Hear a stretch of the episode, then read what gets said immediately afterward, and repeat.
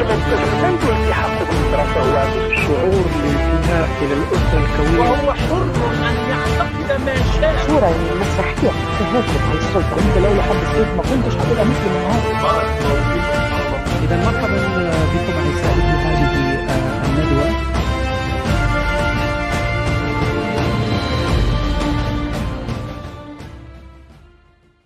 إذا إحنا على الهواء مباشرة الآن. أهلا وسهلا. ومرحبا بالجميع في حوار جديد من حوارات هشام. نتمنى أنكم تكونوا في صحة جيدة في هذه الفترة الصعيبة. آه، أنتم والعائلات ديالكم وحبابكم آه، اليوم معايا ضيف عزيز ماشي لأول مرة أستاذ آه، أحمد عصيد. آه، مرحبا بك ومبروك عواشركم. أهلا وسهلا سي هشام. تحياتي ليك ولجميع ال- ال- المستمعين والمشاهدين الأعزاء. وكنتمنى للجميع ال- الصحة والسلامة. جميل. بغيت نذكر آه، كما العادة ان أننا غنفتحوا مجال الأسئلة بعد الحوار. فاللي عندها أو عنده سؤال تحتفظ ويحتفظ به من وصلوا لوقت طرح الأسئلة.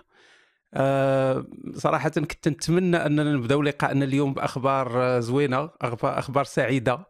لكن للأسف كما شفتوا وصلت آه، تسريبات ديال تيسميوها تسريبات ما عرفناش ديال آه، مسودة مشروع قانون آه، سميتو رقم 22 20 آه، انتشر هذا الخبر انتشار النار في الهشيم. بالنسبة للناس اللي ما في راسهم والو هذا المشروع فيه مجموعة المفاجآت الصادمة. من بينها أن واحد المادة 14 تتقول انه يعاقب بالحبس من ست شهور إلى ثلاث سنوات وغرامة ديال 5000 درهم حتى ل 50000 درهم آه، أو إحدى هاد العقوبتين وحده وحدة فيهم غادي تجيك إلى آه، قام من قام عمد عمدا عبر شبكات التواصل الاجتماعي وعبر شبكات البث المفتوح يعني الفيسبوك مواقع التواصل الاجتماعي بالدعوة إلى مقاطعة بعض المنتوجات أو البضائع أو الخدمات أو القيام بالتحريض على علنية على ذلك. كاين كذلك المادة 15 اللي تتقول آه، غرامة وال- والحبس ديال 6 شهور 5000 ل 50000 درهم.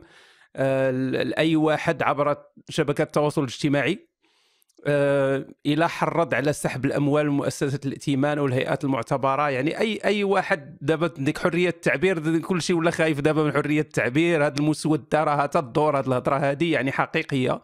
كاين هذا المشروع هذا.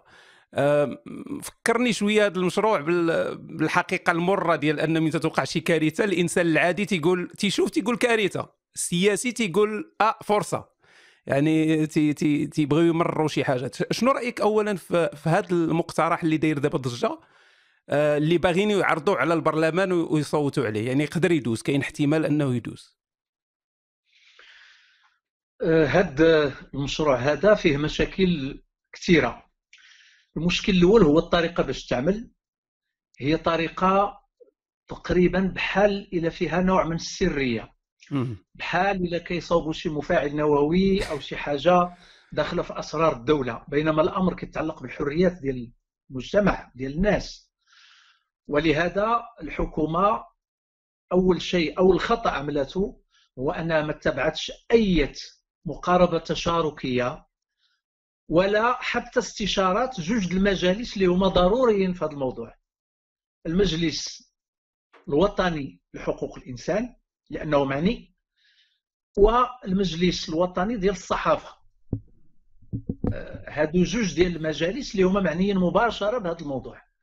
والاستشارة ديالهم ضرورية. ثم كاين المجتمع المدني ثم كاين المجتمع الحقوقي المغربي بطبيعة الحال اللي هو أو من أوائل المعنيين كذلك. بهذا الموضوع وبطبيعه الحال الاولين اللي عبروا على رد الفعل السلبي والاستياء ديالهم ضد هذا المشروع القانون. هم الحقوقيون المغاربة وكذلك الأخصائيون في القانون وفي القانون الدستوري. لأن المشكلة الثانية ديال هذا المشروع هو أنه مخالف للدستور. الدستور كيضمن الحريات اللي هذا القانون باغي يغصبها للناس. يعني أن الدولة المغربية كتعطيك واحد الحق بواحد اليد وكتزولو لك بيد أخرى. وهذا غير مقبول. لابد أن الدستور المغربي ما يبقاش فقط أسود على أبيض وحبر على ورق خصو يولي ممارسة وعمل مؤسساتي يومي. ومن من هذا المنطلق كنقولوا بأن مشروع قانون خاصو يتنشر في الموقع ديال الأمانة العامة للحكومة ما تنشر شيء يعني شحال هذه راه من مارس من منتصف مارس وحنا عارفين أن الحكومة كتطبخ شي حاجة. ورغم ذلك مشروع القانون ما تدار شيء في الموقع ديال الأمانة العامة للحكومة وهذا معناه بحال إلا كيخبيوه. ثم باش المجلس الحكومي صادق هذا معناه أن الأحزاب اللي هي في الحكومة قابلة هذا المشروع. هذا هو المشكل. طبعا. نعم. وهذا مشكل كبير لأنه من بعد إلى داز المجلس الوزاري اللي كيتراسو الملك غادي يعاود يتصدق عليه بطبيعة الحال. ومنين غيدوز البرلمان؟ غادي يعاود نشوفوا ديك المسرحية المعروفة ديال النقاش والصراع وكل واحد اش كيدير؟ كيحاول يبين بما راه ماشي أنا.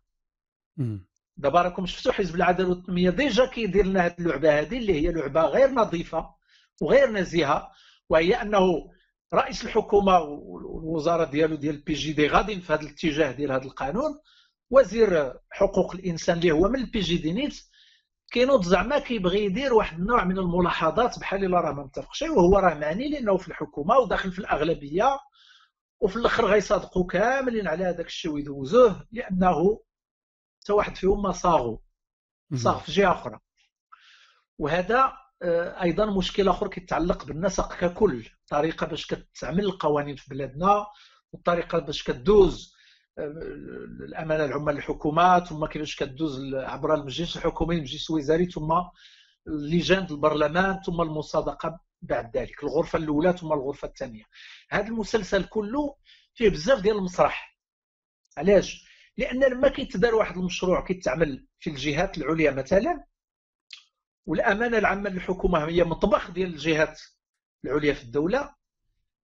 لما كيتعمل جميع السياسيين في الدولة كيعرفوا بأن هذاك القانون راه هكاك بغاتو السلطة العليا وخصو يدوز هكذاك.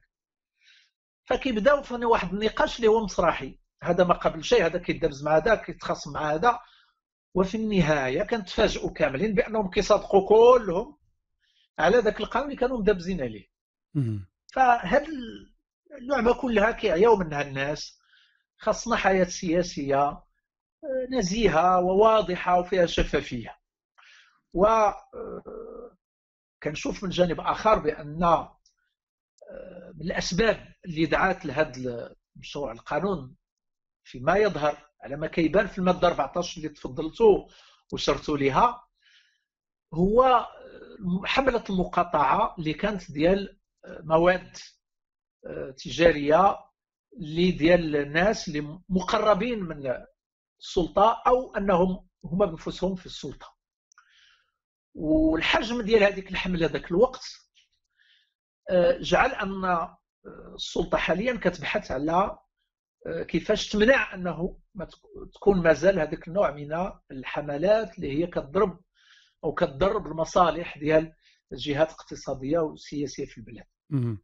لكن المشكل اللي كاين هنا هو أن غادي نصطدموا بواحد الحجر كبير على المجتمع وعلى الناس فيما يتعلق بالاحتجاج على بضائع أو مواد تجارية لأن إلى تزادت الأثمنة ديال المواد الغذائية أو مواد ديال البنزين والمحروقات أو مواد كيف ما بغات تكون وصبح الثمن ديالها غير معقول وضد القدرة الشرائية كيحطم القدرة الشرائية ديال الفئات المستضعفة والهشه في بلادنا وحتى الطبقة الوسطى.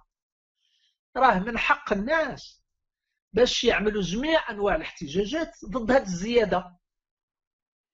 إما بالخروج للشارع كيف كيتعمل مثلا في الزيادة في اثمنه الخبز. راكم شفتوا أنه في السودان يعني انتفاضة كبيرة اللي طيحت رئيس الدولة وطيحت يعني عدد كبير من الرؤوس اللي كانت متحالفة في السلطه. فقط بسبب أن البداية كانت على اثمنه الخبز وكيفاش أدى الأمر ف الناس عندهم الحق يحتجوا على بضائع معينة وعندهم الحق إما يحتجوا في الشارع أو يعلنوا المقاطعة ديالها. هذا معناه أن هذا القانون كيقطع الطريق على المواطنين ما عندهمش الحق يمارسوا هذا النوع من الاحتجاج اللي هو حق ديالهم. كيضمنوا الدستور. نعم. هذا أنا أستاذ هذه المادة هذه نعم. كتعارض مع الدستور وكتعارض مع الاتفاقية والعهود الدولية اللي الدستور المغربي كيتبناها صحيح. وكيقول أنها كل غير قابل للتجزئة. صحيح. أنا أنا أستاذ تنتساءل بعض المرات تن- تنشوف من واحد الناحيه أخرى هو ان الحكومات normalement في الدول اللي بين قوسين تحترم المواطنين ديالها كاين هاد الدول هادو الحكومة تلقاها ديما تتميل الرغبة ديال ديال الشعوب راه هما اللي وصلوا هذيك الحكومة راه ناس اللي انتخبوا عليهم الناس وطلعوا باش هما اللي مكونين الحكومة داكشي علاش عندنا معارضة وعندنا هادشي كامل. فنورمالمون الحكومات عادة تتمشي مع التوجهات ديال الشعوب الشعوب باغا تمشي في واحد الاتجاه تتبعهم.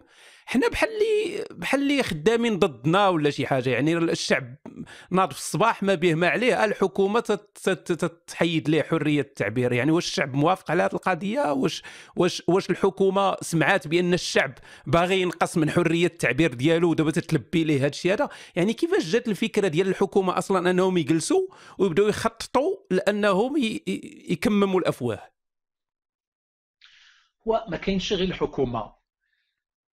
في المغرب كاين ملكية تنفيذيه فيها الملك يسود ويحكم وعنده مستشارين ديالو وكاين الأمانة العامة للحكومة اللي كتصوغ قوانين حسب. الإرادة ديال الهيئه العليا وكاين الحكومة اللي هي تنفيذية اللي هي كتنفذ السياسات المسطرة آه، يعني في الدولة ولكن المعضلة اللي عندنا في المغرب هو أن لما كتكلم على الشعب الفكرة اللي عند الطبقة السياسية هو أن الشعب قاصر هو أن الشعب ما واعيش هو أن الشعب ما مستعدش الديمقراطيه هذه هي الفكرة اللي كاينة عند الطبقة السياسية. ولهذا كتعتبر بأن داك الشيء اللي كتقرره الطبقة السياسية راه فيه المصلحة ديال الناس سواء عجبهم أو ما عجبهمش.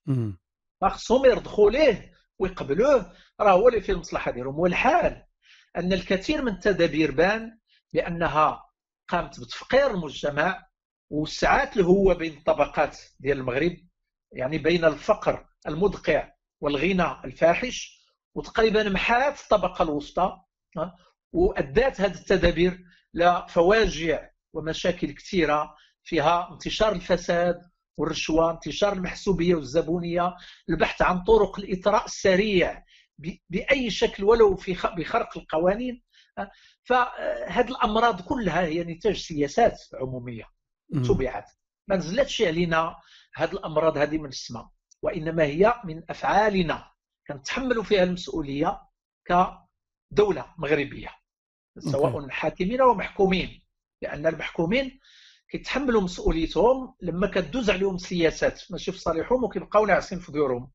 هذا معناه أن يعني الشعب اللي كتكلم عليه ميت. بينما الشعب خاص تكون عنده إرادة حية خص يكون عنده وعي مواطن وخصو يكون يقظ وخصو ما يسمحش بالمس بالحقوق الأساسية ديالو. وإلا كيصبح مفعول به أن آه، الطبقة السياسية كدير به اللي بغات. وهذا هو الحل اللي عندنا. ماشي غير في هذا القانون. مشاريع قوانين كثيرة دازت علينا من 2011 لدابا. وحنا ما راضيينش علينا ودرنا فيها حملات ديال الاحتجاج والاستنكار والرفض.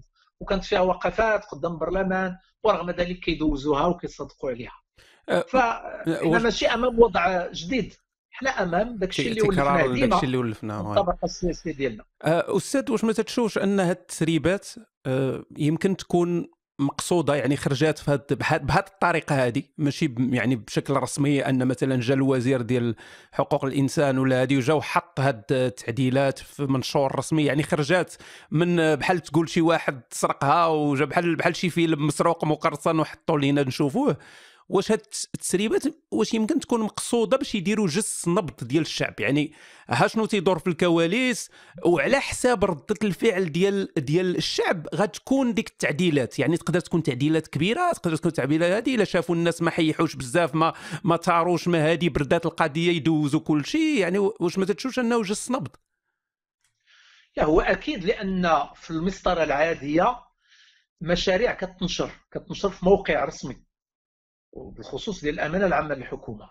وكيبدأ النقاش في المجتمع وكتكون الاستشارات وكيجيو ناس المجتمع المدني حتى البرلمان كيجلسوا مع الفرق البرلمانية أو قبل ذلك قبل كاع ما تحال على اللجان آه، كيكون اتصالات مع رئيس الحكومة أو مراسلات أو الديوان الملكي أو يعني آه، كاين خطوات كثيرة كتدار. لأن الناس كيكونوا على بينة من واحد المشروع إلى في صالحهم راه كيسكتوا عليه وكيدوز في المسطرة العادية إلى ماشي في صالحهم كيبدا نقاش عمومي محتدم.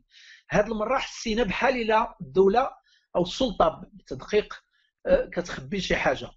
لأن ما تنشرش في موقع رسمي وقع تسريب. وهذا التسريب بطبيعة الحال ما يمكن يكون عنده إلا هدف واحد باين وهو جس النبض واش آه، غادي تكون مواجهة قوية ضد هذا المشروع أو أن الناس غادي يحنيوا الرأس في هذه الظروف ديال الوباء وديال رمضان وغادي يخليو هذا الشيء يدوز. ولكن أنا كنعتقد بأنه إلى حدود الساعة راه المجتمع الحقوقي والمجتمع المدني المغربي وكذلك واحد المجموعة ديال الأعضاء النخبة المغربية وخاصة المختصين في القانون وفي القانون الدستوري وفي العلوم السياسية كيستنكروا بشدة وبلهجة شديدة كيستنكروا هذا النوع من السلوكات وكيستنكروا هذا النوع من مشاريع القوانين اللي هي الهدف منها وهو إسكات أي صوت معارض أو منع أي آه، يعني انتفاضة اجتماعية ضد الحجرة أو ضد زيادة في الأسعار أو ضد مواد مغشوشة معينة أو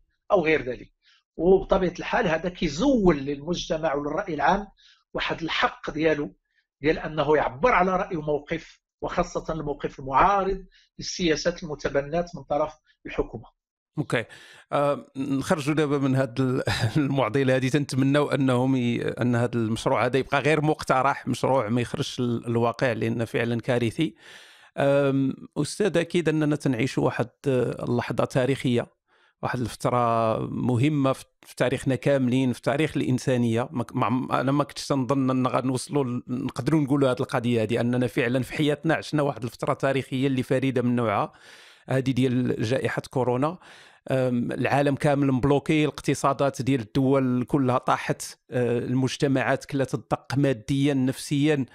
في هذا الكارثة اللي فريدة من نوعها. يعني شنو شنو هو الدور المثقف أو أو دور النخبة المثقفة؟ يعني شنو واش غير تبقى في الحجر الصحي صافي ولا خاصها تقوم بشي دور باش ندوزوا هذه المرحلة هذه بسلام وبأقل الأضرار الممكنة؟ هذا السؤال هذا كيعطينا فرصة باش نتكلموا على الاختصاصات لأن هذه المدة الأخيرة بداو الناس كيتكلموا هذا ماشي مختص هذا أخصائي هذا ماشي اختصاصي هذا كذا إلى آخره. نعم.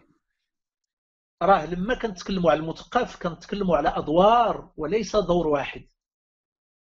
وهذه الأدوار هذه متعددة المستويات. لأنه المثقف كيقرأ وقائع وكيعطي خلاصات اللي هي عبارة عن خلاصات تركيبية عبارة على ديسانتاج على تركيب. وهذا التركيب فيه قراءة لواقعة أو سلوك ديال الناس تجاه هذه الواقعة أو لسياسات معينة ديال الدولة أو لأخطاء معينة سواء في نصوص أو في وعي الناس أو سلوكهم. الناس كيعتقدوا بأن الاختصاص هو أنه مسائل أكاديمية وهذا غير صحيح. وغادي نعطيهم الأمثلة باش يفهموا هذا الشيء اللي كيوقع لنا الآن. لما آه، الدولة كتعمل واحد القرار اللي هو الحجر الصحي. وكينوضوا ناس كيخرقوا هذا الحجر الصحي. الدور ديال المثقف هو دور نقدي. كيقول بأن هذا السلوك هذا ماشي سلوك مواطن وماشي سلوك وطني. كيجي شي واحد كيقول له انت ماشي اختصاصك علاش كتهضر في جميع المواضيع؟ هذا هو الموضوع الأساسي هو موضوع المواطنة والوطنية. واش حنا في دولة ولا ماشي في دولة؟ لما مثلا بالنسبة للنشطاء الحقوقيين واحد العدد من الناس كيعتبر الناشط الحقوقي بحالي شخصيا راه كيدخل في الأمور لا تعنيه لأن الناس ما كيفهموش ما معنى عمل النشطاء الحقوقيين. أو كيتظاهروا بأنهم ما كيفهموش خاصة أن اللي كيدير هذه المواقف ديما منظم في تيارات معينة. اذا غادي يكون فاهم ولكن ما باغيش يبان أنه فاهم الناشط الحقوقي لما كيهضر على المناجم واش غادي نقولوا له؟ راك دخلتي في التخصص ديال الجيولوجيا ديال المهندسين. لا الناشط الحقوقي كيهضر على كيفية استغلال المنجم. واش الخيرات اللي في المنجم كتمشي في الاتجاه الصحيح تستفد منها الدولة والميزانية ديالها والمواطنين ديالها أو لا؟ الناس الفقراء اللي ساكنين فوق المنجم واش استفدوا أو لا؟ واش العمال عندهم حقوقهم كاملة أم لا؟ هذا هو عمل الناشط الحقوقي. ما كيهضرش في الجيولوجيا وما كيهضرش في عمل مهن أو تخصص المهندسين لما آه، الناشط الحقوقي كيهضر على الحقرة ضد النساء. كيجي واحد متدين كيقول له أنت دخلتي في موضوع ديني هذا من اختصاص الفقهاء. الفقهاء ما عطاوش أي حل. الفقهاء يشعرون بالسعادة لما تهان كرامة المرأة اعتمادا على نص ديني. وكيقول لك راه يطبق النص الديني. بينما الناشط الحقوقي المهمه ديالو أنه ينبه لهدر الكرامة اللي كاين ولو باستعمال نص ديني لأن استعمال نص ديني ما كيعنيش الشرعية ديال ديال الاعتداء أو ديال الظلم. لما آه، كتعدى على المرأة وكتقول الضرب ديال الرجل لها راه آه، تأديب لها وكتعتبر راسك كتهضر باسم الشريعة فهنا تحرض على العنف ضد المرأة وهذا خطير جدا وغير مقبول. الناشط الحقوقي كيتصدى لك. لما كيتصدى لك الناشط الحقوقي كتنوض كتقول له أنت ماشي من أهل الاختصاص هذا راه اختصاص ديني. حنا ما كنهضروش في الدين كنهضروا في العنف. واش العنف اختصاص ديني؟ إلا كان العنف من اختصاص الدين يقولوا لنا حنا كنهضروا على الاعتداء بالرجل على المرأة أنه خصو يكون ممنوع منعا كليا ويعاقب عليه الرجل. وخص قانون العنف يكون واضح في هذه الأمور بما فيها الاغتصاب الزوجي اللي الحكومة ديالنا هربات منه ما بغاتش يديروا في القانون ديال العنف. هنا كنعطي أمثلة. راه الناشط الحقوقي خص الناس يفهموا أنه كيتدخل ديما لما كيكون خرق لقانون معين أو كيكون اعتداء إما على المواطنين أو حتى على الدولة. بحال دابا الناس اللي خرجوا خرقوا الحجر الصحي متعمدين أو خطباء المساجد اللي مشاو للجوامع وبداو كيهللوا وكيكبروا في في الميكروفون حتى تجمعوا الناس في باب المسجد. هادو ناس خرقوا قانون ديال الدولة وخرقوا قرار الدولة. فالمثقف الحقوقي كيتدخلوا باش يقولوا أن هذا سلوك غير مقبول. اذا يعني أكثر دور ضروري وهو الدور النقدي. أنه دائما كيعمل نقد ولكن في هذا النقد كيدير تحيز للإنسان. المثقف ماشي محايد. المثقف منحاز الانحياز ديالو. هو الناشط الحقوقي. الانحياز ديالهم للكرامة الإنسانية. ولهذا راه ما كاينش مثقف أو ناشط حقوقي محايد. راه فيما كاين خلق كيتدخل باش ينبه. وهذا هو عدم الحياد ديالو. إلى مثلا آه، آه، شاركنا في وقفة ضد الزياده في الخبز. واش حنا كندخلوا في التخصص ديال الخباز ديال الفران؟ وكندخلوا في العجينة وندخلوا في الخميرة إلى غير ذلك. لا كندخلوش في التخصص ديال الفران. حنا كنحتجوا على الحكومة اللي زادت في الثمن الخبز. إذا خص يتم التمييز بين الاختصاصات بالمعنى الأكاديمي والاختصاص آه، ديال ناشط الحقوق والمثقف أو رجل الفلسفه اللي هو كيطرح أسئلة تتعلق بمختلف المجالات. الفيلسوف كيطرح أسئلة في السياسة في الاقتصاد في الفن في الأخلاق والقيم في السلوكات المجتمعية في التحولات اللي كيعرفها المجتمع آه، في الفقر وفي العنف وفي وسائل الإعلام دورها علاقتها بالمجتمع واش كتغير عقليات أو لا إلى غير ذلك. هذه كل أسئلة فلسفية وما غنقولوش للفيلسوف أنت تتكلم في كل شيء. فهذا هذا القوس هذا كان ضروري وعطيتيني فرصة في السؤال ديالك باش باش نطرحه ونقول بأن المثقف هو في عمق الإشكال اللي كاين حاليا لأنه عمل مواقف عمل تصريحات عمل مقالات وكثير من المثقفين آه، كانت لهم آه، مواقف مهمة ساعدت الناس آه، في هذه الفترة العصيبة باش يعرفوا كيفاش غيدبروا الشؤون ديالهم وخاصة في الحجر الصحي. أنا شخصيا أعطيت يعني أشياء كثيرة يمكن عملها في الحجر الصحي. وخاصة ما يتعلق بالقراءة الحرة وخاصة ما يتعلق الكتابه الحميمية. واحد العدد الناس ما كيكتبوش ولكن الحجر الصحي يمكن يعطيهم فرصة أنهم يكتبوا مشاعرهم ويكتبوا أفكارهم. أعطيت آه، أفكار ومواقف تتعلق بالحميمية العائلية كيفاش أن واحد العدد الموظفين والناس ما كانوش كيلقاو الوقت باش يجلسوا مع وليداتهم ومع عائلتهم في الحجر الصحي جاتهم تجربة باش يعرفوا أقاربهم أكثر وهذه واحد المسألة آه، مهمة جدا. إلى غير ذلك من العمل اليدوي كذلك. عطيت فكرة ديال أن الناس خصهم يخدموا يديهم. هذه الأصابع العشرة خصها دير شي حاجة. أنا كنغسل المعن في الكوزينة كننظف كندير أشياء كثيرة لأن ما يمكنش إنسان يكون في حجر الصحي ومربع يديه كيخدموا عليه ناس أخرين. لازم أنه يساهم في العمل في الجهد ديال العمل ديال ترتيب البيت وديال التنظيف وديال آه، كل هذه هذه الأشياء. فاذا آه، المثقف كان له دور وما زال له في ظل هذا الوضع هذا. جميل. آه في هذه الجائحة هذه نسميوها الجائحة. آه شفنا شفنا الأجمل وشفنا كذلك الأسوأ في الإنسان. شفنا استغلال هذه الجائحة هذه من أجل أغراض شخصية أو من أجل أجندات دينية أو لما لا أجندات نقدروا نسميوها كاع لا دينية. آه، ما كرهتش أننا نحللوا كل وحدة من هادو على حدة وحدة بوحدة ونبداو أولا بال المنفعه الشخصية على حساب معاناة الناس. عندنا أمثلة كثيره كاين مثلا آه، صحافة الاثاره والتوندونس والأخبار الزائفة إلى يعني هادو كلهم مجموعين في سلة واحدة كاين الناس اللي استغلوا ماديا يعني الزيادة في الأثمان ويعني بهذا هذا الشيء اللي تيستغلوا أن الناس في هذا البانيك هذا في هذا القلق وهذا الهلع أنهم تيزيدوا عليهم الأثمان. كاين التجار ديال وهم العلاج شفناهم بزاف مكتشفين ديال الادويه ولقاحات وعشابات يقتاتوا على جهل الناس. آه شنو رأيك في في الخطورة اللي تيشكلوها هاد الناس هادو؟ يعني خصوصا دوك اللي تيروجوا الوصفات آه، آه أن راه ديروا غير هادي ولا ديروا غير هادي وراه ما غادي يطرى لكم والو ولا ديروا غير هادي وراه غادي تشافى وديروا من هنا. يعني وما كاين حتى شي دليل على هذه الهضرة ديالهم. يعني شنو شنو رأيك يعني كيفاش خصنا نتعاملوا معهم اولا خصنا نميزوا بين الناس اللي كيعملوا هذا استغلالا للوضع والناس اللي كيعملوه ضد الدولة والناس اللي كيعملوه بحسن نية لأن هذا منشور مثلا في منابر إعلامية. واللي وقع فيه تغيير فيما بعد. مثلا رئيس الحكومة المغربية قال للناس راه الكمامات ماشي ضرورية. وهنا ما عملش شيء خطأ متعمد.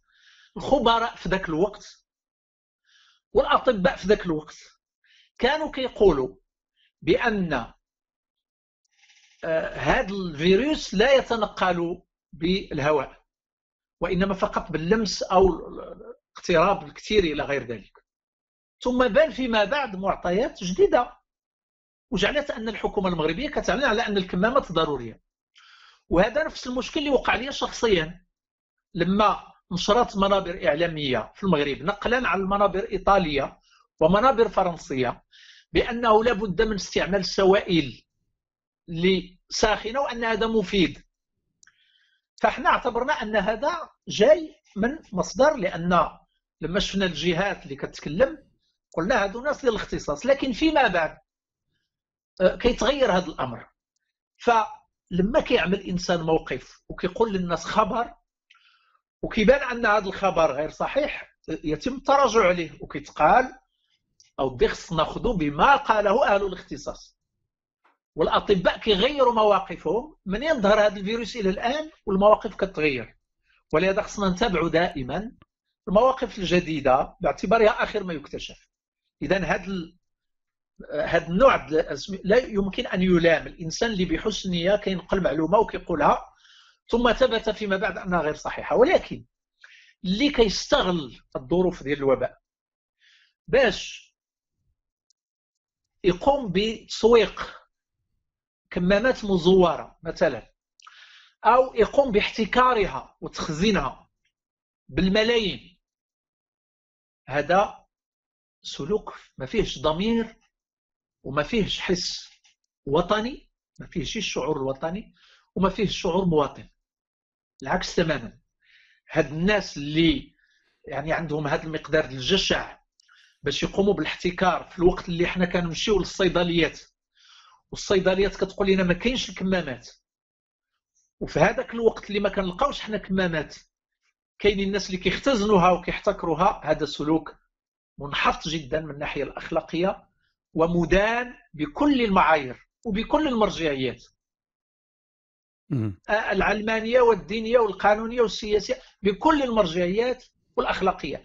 هذا السلوك مدان ونستنكره والناس ديالو خصهم يتعاقبوا بطبيعة الحال لأن في ظروف الوباء الناس كيكونوا متضامنين وكيكون الشعور الوطني هو اللي كيطغى عندهم على الشعور الشخصي أو البراغماتيه الشخصية أو الجشع الشخصي.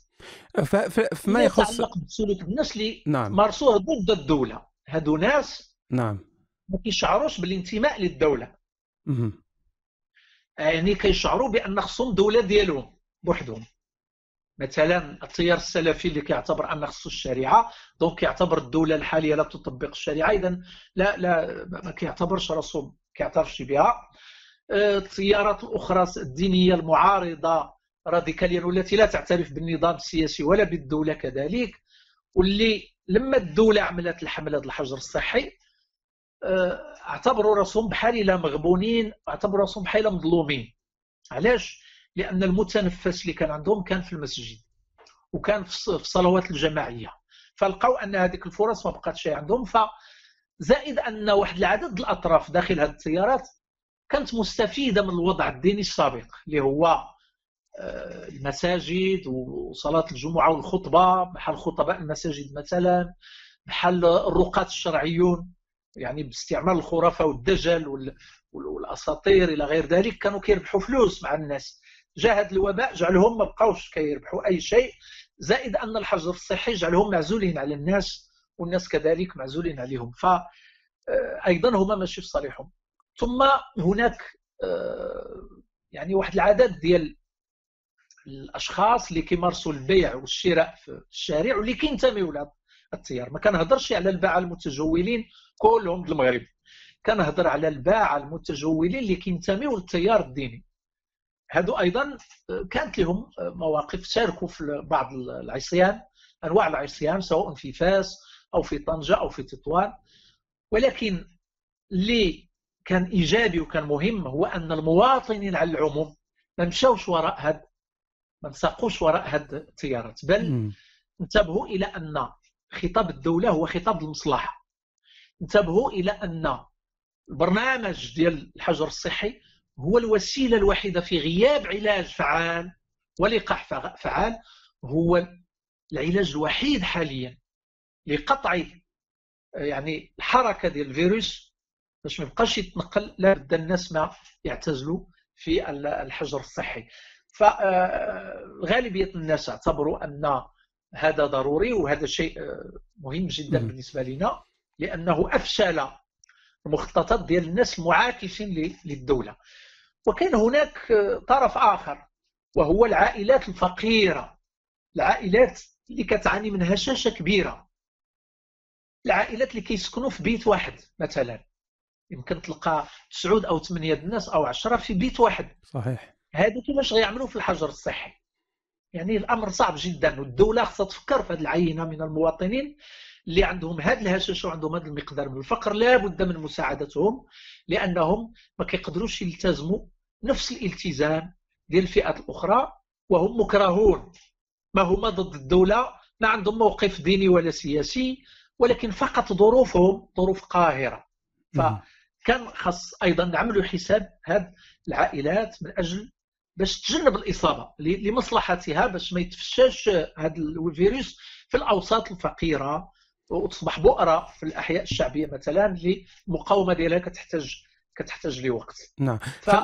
خلينا نبقاو في ان النقد ديال هذه السلوكات هذه كلها مهم جدا لأنه مفيد في هذه التجربة هذه الفريدة اللي م. كيف قلتي قبيلة عمرنا ما عشناها في حياتنا وكنعيشوها ولا شك أنها غادي تبقى في الكتابات للأجيال صحيح. القادمة حتى لما الناس يقدروا يتغلبوا على هذا الفيروس وفيروسات أخرى وحتى لما البشرية آه، تقدر توصل لواحد المستوى ديال أن الجسم البشري يولي عنده مناعة يعني اصطناعية ذكية ضد آه، كل أنواع الفيروسات. حتى لما يحدث هذا غادي تبقى هذه علامة في تاريخ الإنسانية أن 4 المليار ديال البشر كانوا في حجر صحي وكان مغلق عليهم في المنازل في فترة من تاريخ آه، الحضارة الإنسانية.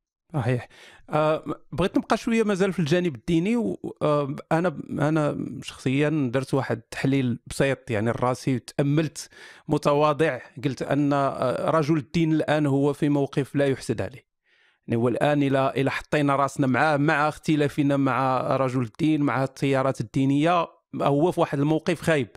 يعني من واحد الناحية كورونا والجائحة ديال كورونا مسيطرة على الواقع آه، الدين انكامش التأثير ديالو قل بواحد الشكل رهيب. آه، المساجد تسدات آه، تلغات كل الطقوس التعبدية الجماعية. آه، يعني المظاهر الدينية اللي كان هو معتمد عليها واللي هي جزء من حياته والوجدان ديالو وخدمته ربما وكل شيء ما بقاش.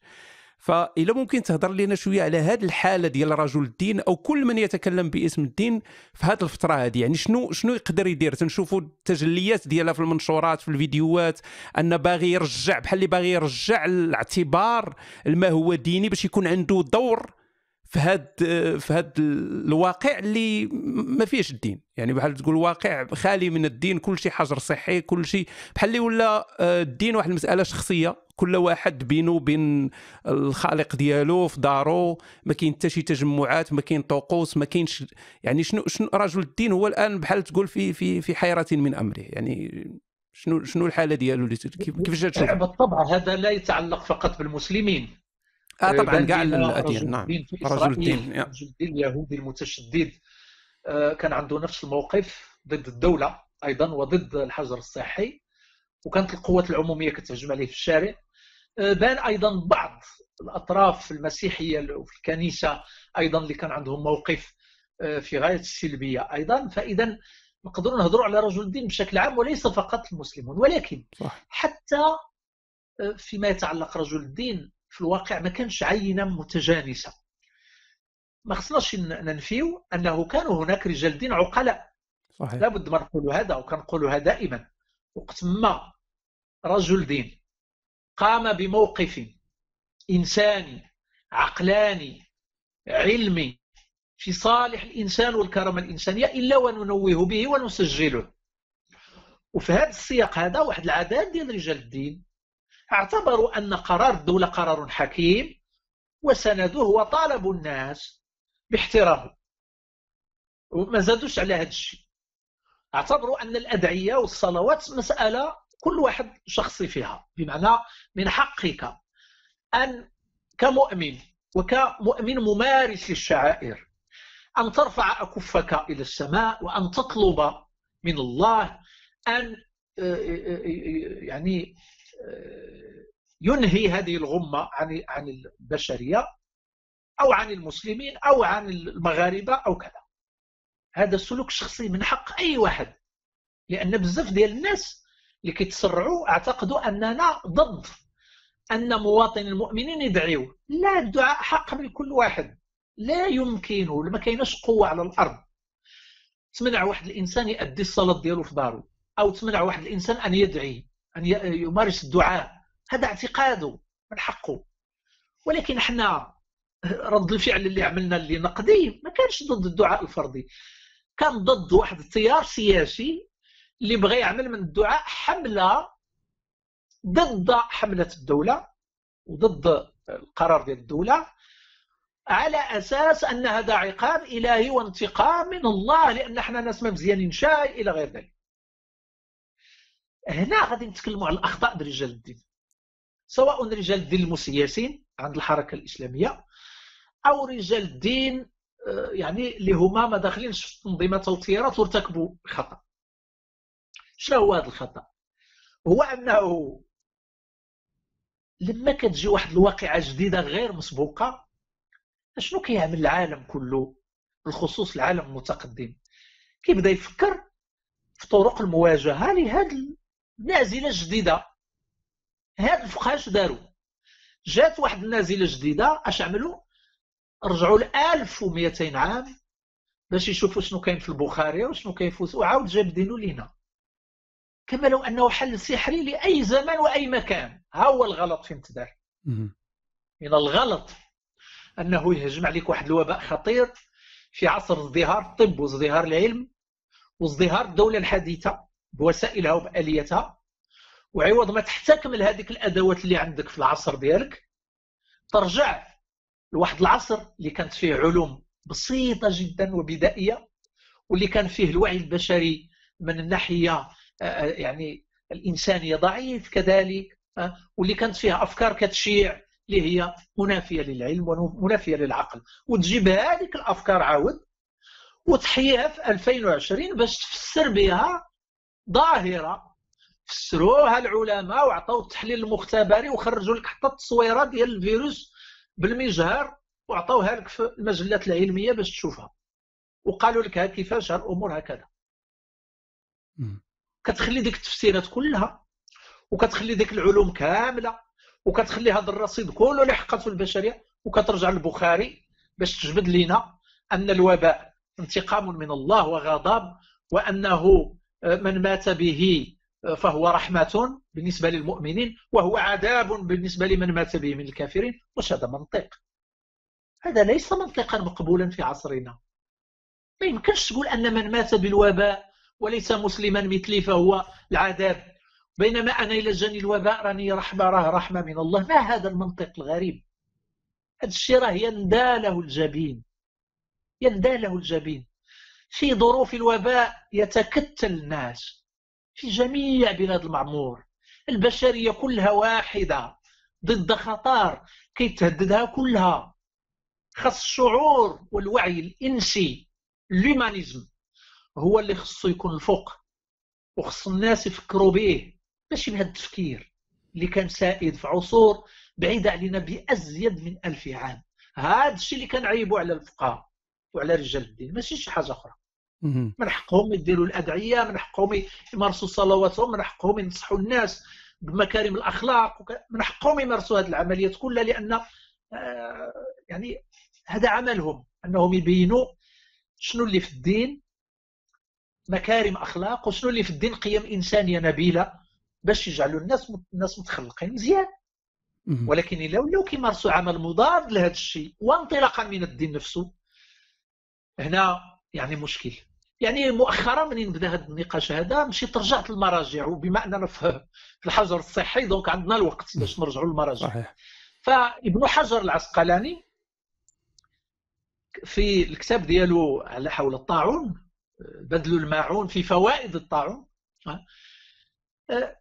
كيتناقض غير بوحدو؟ والفقهاء كيتناقضوا معاه. كيجي كيقول لك أودي لا عدوى. وشوف دابا راه كاين ناس في 2020 باقيين كيروجوا حديث ديال لا عدوى أن المرض لا يعدي بذاته. والا كان المرض لا يعدي بذاته سير سلم على اللي مريض بكورونا وتغدى معاه وبقى معاه وشوف واش لا يعدي بذاته؟ من بعد كيجي كيقول لك ابن حجر نيت. كيجي كيقول لك أودي راه خرجوا الناس في في التجمعات فكان ما أصابهم من البلاء أكثر مما كانوا فيه متفرقين. كيجاوب على راسه يعني في نفس الوقت كيقول لك أن الوباء لا يعدي بذاته وأن العدوى قرار إلهي من الله هو الذي يقرر العدوى. وفي نفس الوقت كيجي كيقول لك أنه لاحظ بأن في التجمعات راه آه، كينتشر هذا البلاء أكثر هذا الوباء. وهذا معناه أن العدوى خصها تدرس موضوعيا. لسان ديال ابن الخطيب كان واقعي ولهذا قتل لأنه تناقش مع الفقهاء وقال لكم قال لهم راكم غالطين. راه الأمراض والأوبئة راها مسألة تدرس موضوعيا وطبيعيا. وراها داخله في السببية أي قانون السببية اللي الفقهاء رفضوه فقتلوه. وهو عنده الحق وهم خاطئون. واليوم الناس كلهم كيعرفوا بان الفقهاء كانوا غالطين. لأنهم يعتقدوا بأن الوباء لا يعدي بذاته. بينما النص ديال ابن الخطيب كان دقيقا. كيشرح لك كيفاش أن الوباء ينتقل وأعطاك الحالات التي ينتقل فيها. تماما كما يفعل علماء اليوم بالدراسة التجريبية وبالبحث التجريبي والمختبري. رجل من هذا النوع وبهذه القيمة وبهذه العظمة في الفكر ذاك الوقت يقتل شر قتلى لأنه اختلف مع الفقهاء الذين قالوا بأنه لا توجد سببية وأن نفس الأسباب لا تؤدي حتما إلى نفس النتائج وإنما ذلك يحدث بإرادة إلهية شنو النتيجة ديال نفي السببية في الحضارة الإسلامية؟ هذا راه نقاش اللي خصو يتفتح دابا لأن ابن رشد خاضوا هذه 800 عام لما رد على الغزالي في موضوع السببية. وقال له أنت ملي كتنكر السببية؟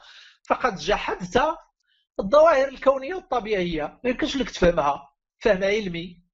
وما يمكنش لك توصل للصانع من ورائها لأنه هو اللي دار هذا النظام. يعني ابن رشد أعطى المسلمين والفقهاء منين يخرجوا؟ ورفضوا ذلك وأحرقوا كتب ابن رشد واضطهدوه وكادوا يقتلونه ونفوه من منصبه. كان قاضي قضاة قرطبة ما كانش شخص عادي. كان قمة زبدة النخبة. فلما جحد فقهاء المسلمين السببية لصالح الإرادة الإلهية في الفكر الأشعري ما بقاش ممكن البحث العلمي عند المسلمين.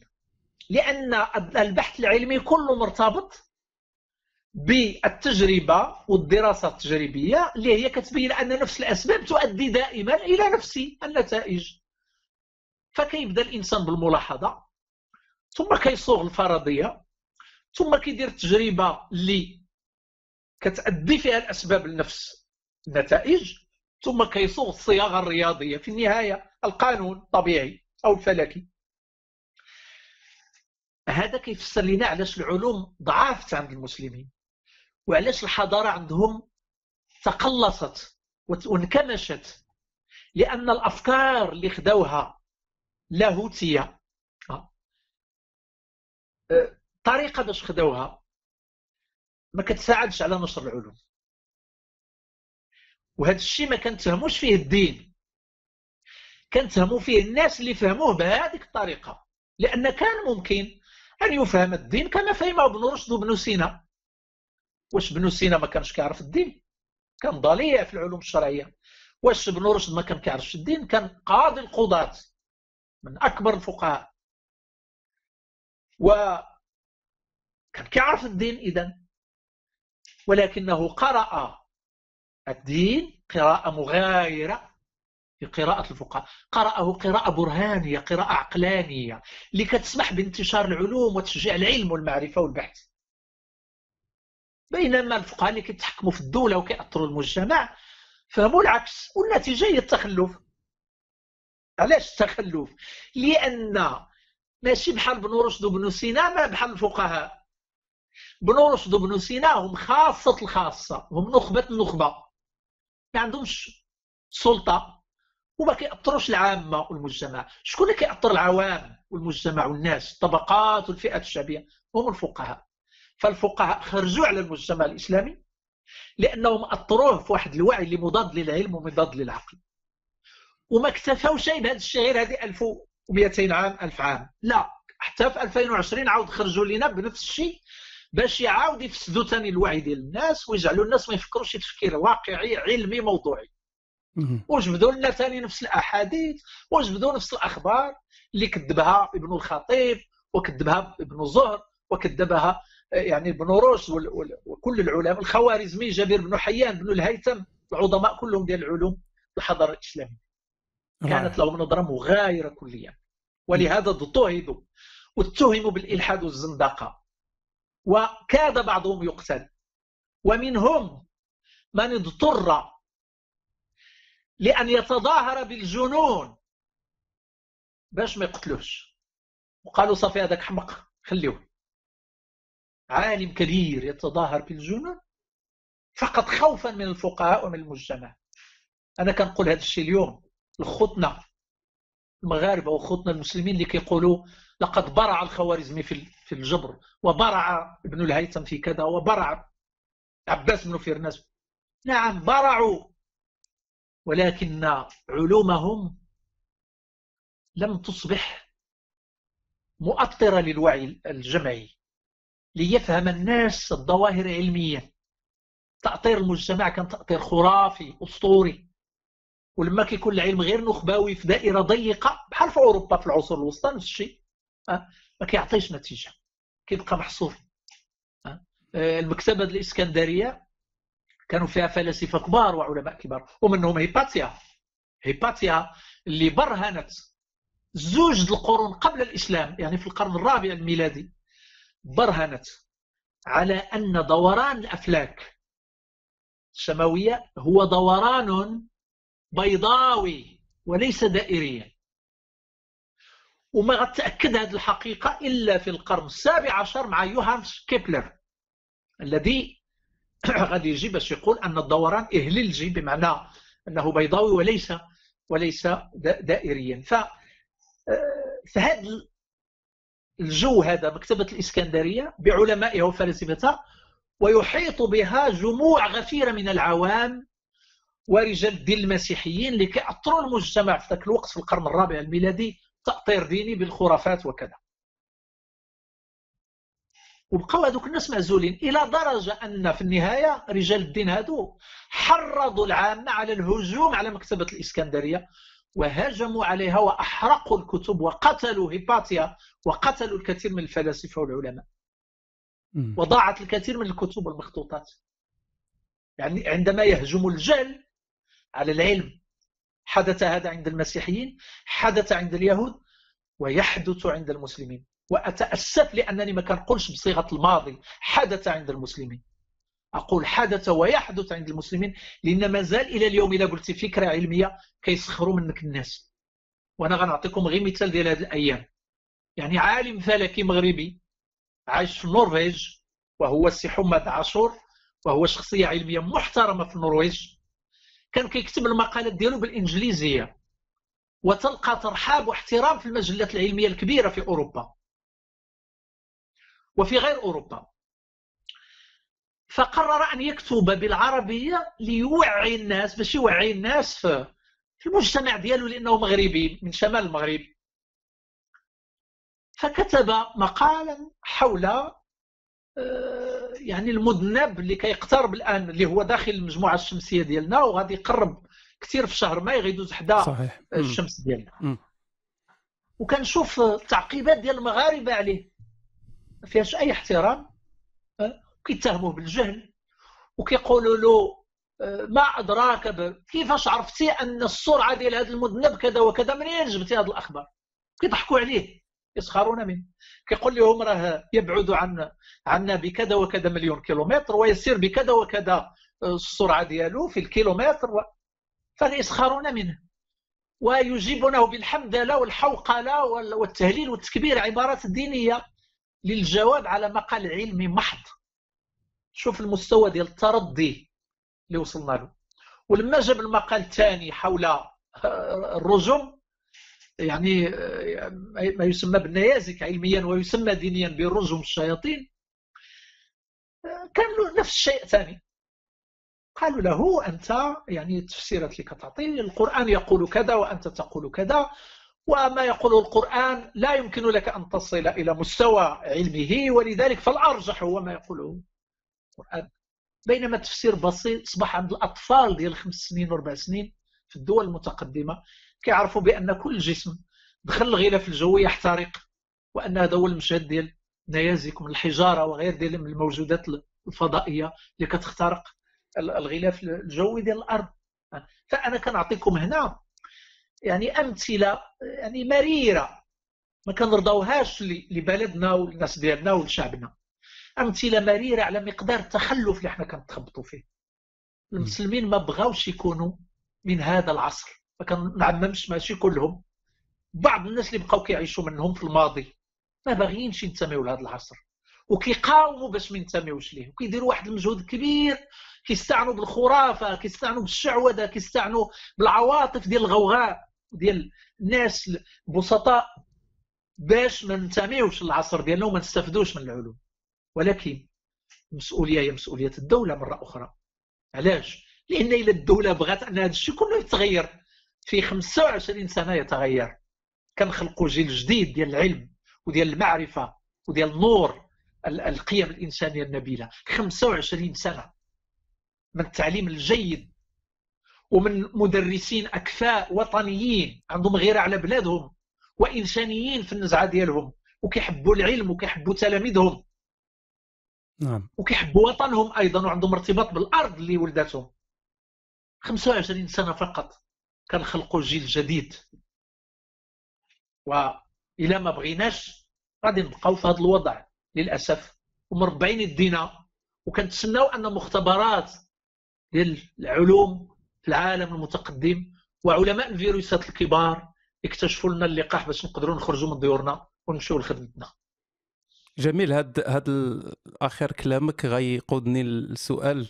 على ما بعد الجائحة وشنو يوقع وشنو الدروس اللي غنتعلموها من من هاد الجائحة تنظن أن أغلب الناس متفقين على أن العالم غيتبدل. يعني أي واحد من غير يعني كاين بعض الآراء الشاذة ولكن الأغلبية الساحقة تتقول بأن العالم غيتبدل غيولي عندنا عالم ما قبل الكورونا وعالم ما بعد الكورونا. كاين اللي تيشوف أن التغيير غيكون للأفضل وكاين اللي تيشوف أنه غيكون للاسوء يعني ناخذ ناخذ مثال زوين وناخذ مثال خايب. أه نبداو بالخايب. كاين اللي تيقول أن غتولي مراقبة ديال الشعوب تجسس عليها. إحنا ذكرنا دابا عاوتاني مصادرة الحريات هضرنا على المشروع القانون في الأول 22 20 غتكون واحد التتبع ديال الحركات ديال الناس التحركات ديالها كما شفنا في الصين. كاين كذلك واحد الإحساس حتى أنا عندي هذا الإحساس أن بزاف ديال الدول بحال اللي حاسدين الصين على التحكم ديالها الكامل في المواطنين ديالها. آه، فبغاو يستغلوا هذه الجائحه هذه باش يفرضوا علينا قوانين اللي آه، تقدر تردنا تحت مراقبة دائمة تحد من الحريات ديالنا. ديجا كاينة التكنولوجيا دابا ديال المراقبة ممكن يراقبوا التليفونات يعرفوك فين تمشي شنو تدير مع من تكتب فوقاش تتنعس فوقاش تتفيق. آه، التكنولوجيا ماشي حابسة هنا غتزيد. التكنولوجيا غدا وتتزيد يعني نقدروا نوصلوا لواحد النهار اللي غتولي الدولة تتعرف كل الخبايا ديالك الداخلية والخارجية. يعني شحال تتنفس من مرة شحال كل شيء غيوليو يعرفوه. فبحال هاد بحال ديك القوانين اللي مرروها بعد الهجمات ديال 9 11 ديال نيويورك كانوا مرروا بزاف ديال القوانين ديال المراقبة وما تحيداتش من بعد. يعني رغم أن الأمور رجعت مزيان بقات هذه المراقبة هذه ف من هذه الناحية هذه واش ما عندكش تخوف أن مثلا بلدان حنا déjà هادشي خايب في دول ديمقراطية فما بالك في دول اللي مازال مقاتلة مع الديمقراطية ولا دول اللي ديكتاتورية ولا متخلفة ولا هذه أن غيوليو عندنا يعني عندنا الصين وعندنا دول دويلات شبيهة بالصين في أماكن أخرى تتفرخ واستغلت هذه الفترة هذه ديال الكورونا أننا غنقبلوا أي حاجة غير باش نحافظوا على صحتنا وما نموتوش. وفي الواقع لما نجيو نفرزوا المواقف اللي كاينة الآن والنقاش اللي داير في هذا الموضوع.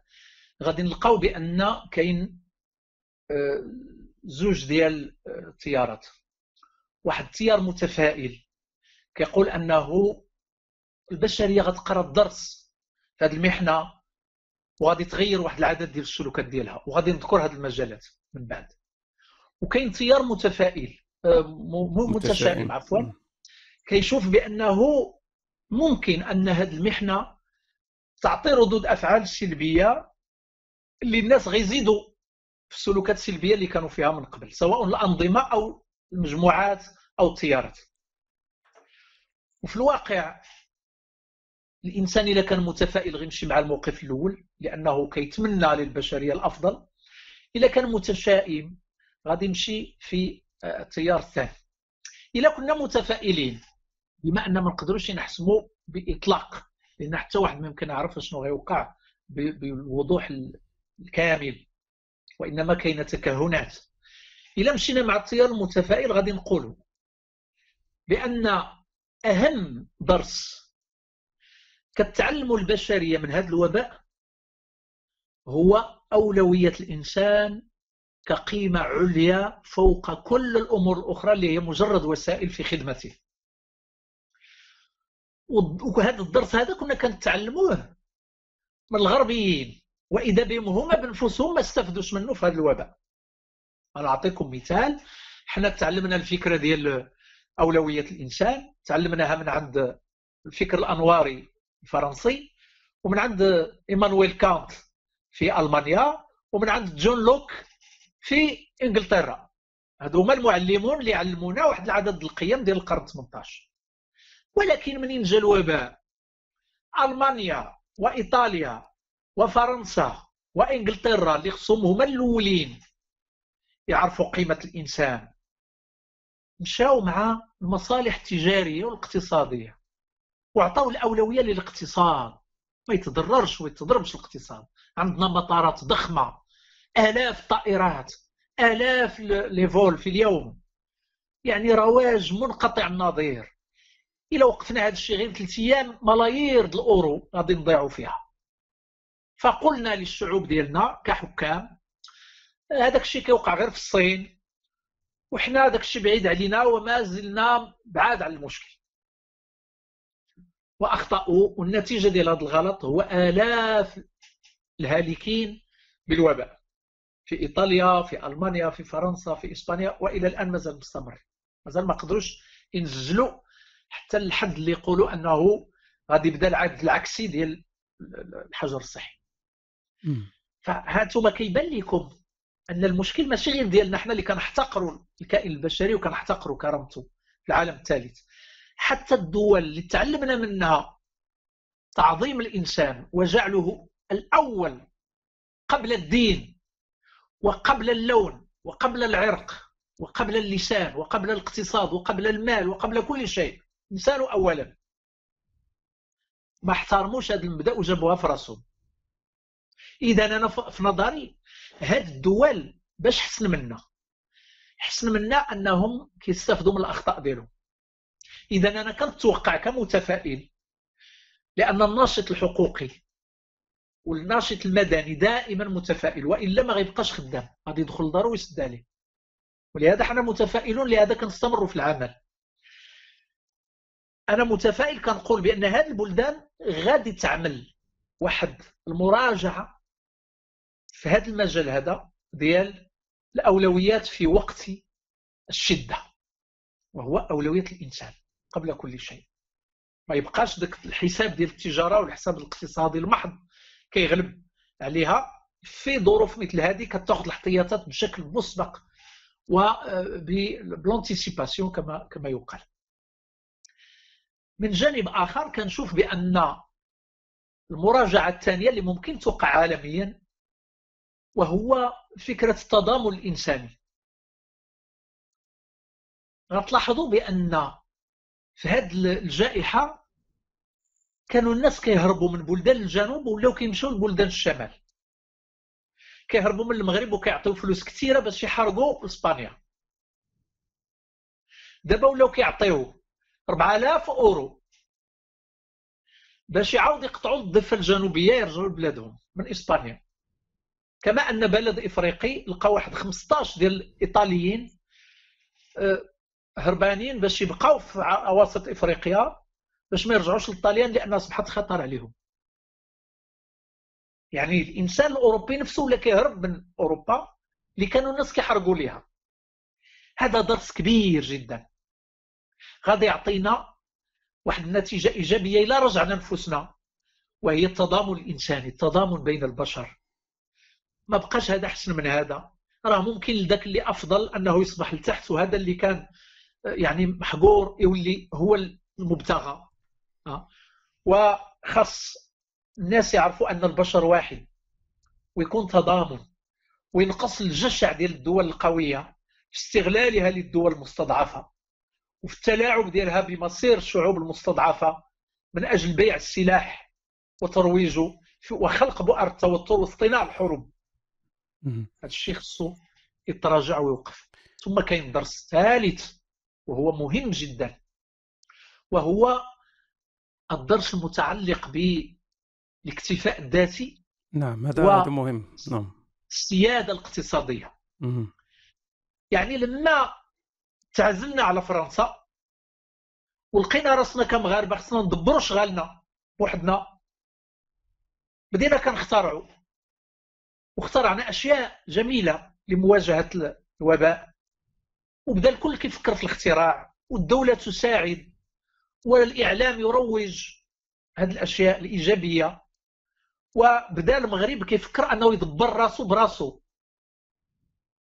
وكنتمنى أن هذا الدرس نستفدوا منه من بعد الوباء نستفدوا منه أن بلادنا يولي فيها اقتصاد وطني مستقل. ماشي مبني على الريع مبني على استثمار حقيقي في الداخل واستجلاب حقيقي للرأسمال الأجنبي آه، وتشجيعه وتيسير المساطر الإدارية من أجل إنجاح الاستثمار وإيجاد مناصب للشغل للشباب العاطل. هذا الشيء كله غادي يعطي واحد الدينامية إلا حنا عرفنا كيفاش. نقراو في هذه التجربة وكيفاش نستافدوا منها؟ غادي نحياو بشكل أفضل وبلادنا غادي تولي في موقع أفضل وغادي تحسن الرتب ديالها عالميا في عديد من المؤشرات اللي هي كتألمنا لما كنشوفوها كل عام. ثم هناك يعني ولكن بطبيعة الحال إلا غادي دير سياده الاقتصاد وطني وإلا غادي تعتمد على راسك. راه لابد ما تحارب المافيات. المافيات المستفيدة من التبعية الاقتصادية للأجنبي. المافيات المستفيدة من الفساد الإداري والمستفيدة من الرشوة والزبونية والمحسوبية. لأن إلى العجلة الوطنية غادي تدور بشكل سليم. راه ماشي في صالح المافيات الفاسدة. ولهذا حرب إعلان حرب وطنية على الفساد راه هو المرتكز الرئيسي للانعتاق.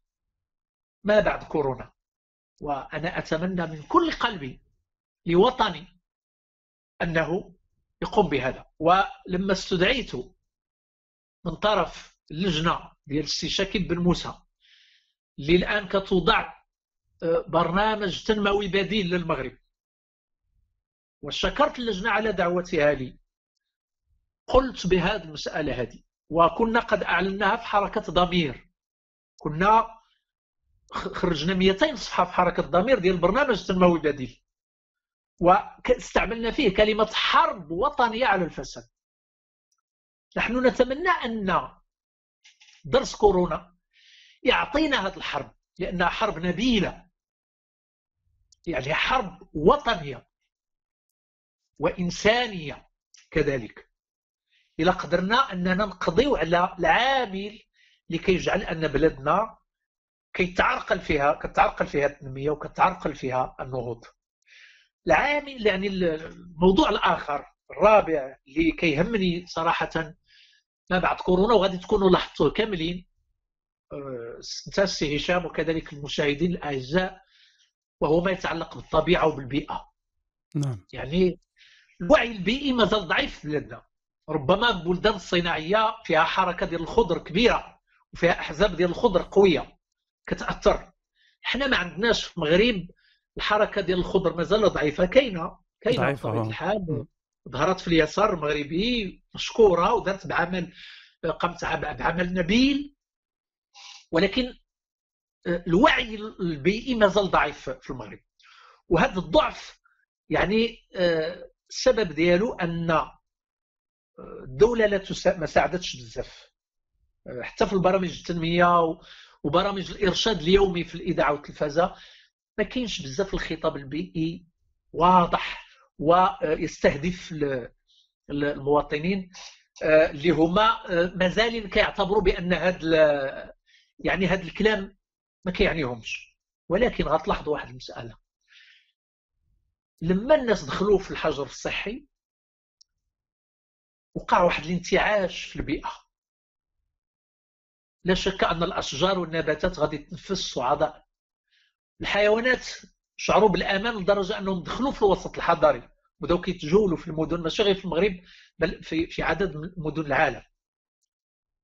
أنا في رأيي أن هذا الاحتلال ديال الحيوان للفضاء الإنساني وكذلك هذا يعني الانتعاش ديال الطبيعة بسبب دخول ملايين السيارات للمآرب وعدم اشتغال كثير من المصانع الملوثة. هذا خصو يكون درس كبير بالنسبة لنا فيما بعد كورونا. ما خصش العوده نسينا هذه المحنة. ونبالغوا في استعمال الوسائل الملوثة. كما أن العلماء المخترعين في العالم اللي كانت الشركات ديال البترول كتزاحمهم وكتعرقل العمل ديالهم باش ما يعطيوش البديل ديال الطاقة الاحفوريه الطاقة الباطنية اللي كتجبد من تحت الأرض. بالطاقة البديلة. خاصهم يوقفوا هذه العرقلة ويعرفوا أن مصلحة البشرية هي أن أننا ننتقل إلى الطاقة البديلة. واذا كنا متفائلين نقدروا نقولوا أن هذا مستقبل إيجابي ينتظر العالم. ولكن خاص الجشع ديال المجتمعات الراسماليه وديال الليبرالية المتوحشة خاص هذا الجشع يتراجع نوعا ما احتراما للإنسان واحتراما لكرامة الإنسان نعم. بالنسبة لنا كبلد نعم المغرب يعني... المغرب بغيت نركز عليه أكثر في مسألة آه. يعني الصحة مسألة يعني ميدان الصحة التعليم تكوين الأطر التوعية ديال الشعب واش واش تظن أننا من بعد كورونا غيوقع نفس السيناريو اللي شناه للأسف ديال أن في البرلمان كان مقترح آه، ديال الإخوان ديال اليسار جاو وقال لك آه، حيدوا شوية الفلوس من هنا وشوية الفلوس من هنا ونزيدوا شوية في البيدجي ديال التعليم والصحة وهذه وفي الأخر كل شيء قال لا غير هما بجوج اللي بقاو هازين يديهم. إيه واش تظن أن من بعد كورونا في المغرب غيكون شوية ديال التغيير في هذا الاتجاه هذا؟ نركزوا على الصحة نركزوا على التعليم. آه، حيت هذا الشيء اللي غادي ينفعنا في الأوقات ديال الجائحة بحال كورونا ما غاديش ينفعنا أننا زدنا الفلوس المجالات أخرى اللي ما ما تتنفعش الإنسان. طبيعة الحال الأولويات كانت دائما لا قبل كورونا ولا بعد كورونا هي التعليم. هذا شيء مؤكد وأنا تكلمت عليه خلال هذا الحوار كله. راه جوهر الحديث ديالي هو التعليم. واخا ما نذكروش بالاسم ولكن مجرد ما نتكلم على مشكل كيتعلق بالوعي راني كنتكلم على التعليم. لأن الوسيلة الوحيدة اللي عندنا باش نحاربوا الخرافة ونحاربوا الدجل نحاربوا الأساطير الغير منتجة هو التعليم. هذا شيء أساسي. بالنسبة للدولة المغربية غتلاحظوا بأن الدرس الكبير اللي ممكن تستافدوا إلا هي بغات تستافد في الواقع. الطبقة السياسية في بلادنا مازال ما عرفناش كيفاش كتقرا هذا الشيء غادي نعرفوه فيما بعد.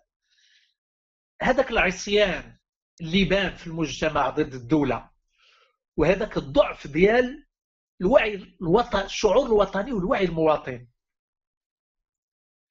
راه السبب ديالو هو التعليم هو ضعف التعليم. إلى الطبقة السياسية في بلادنا قرات مزيان هذا الدرس راه غادي تجعل التعليم كيبني المواطن عوض ما يخرب ذهنية المواطن.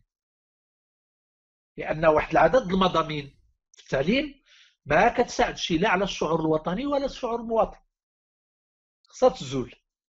خاص يولي عندنا تعليم منسجم ما فيهش تناقضات.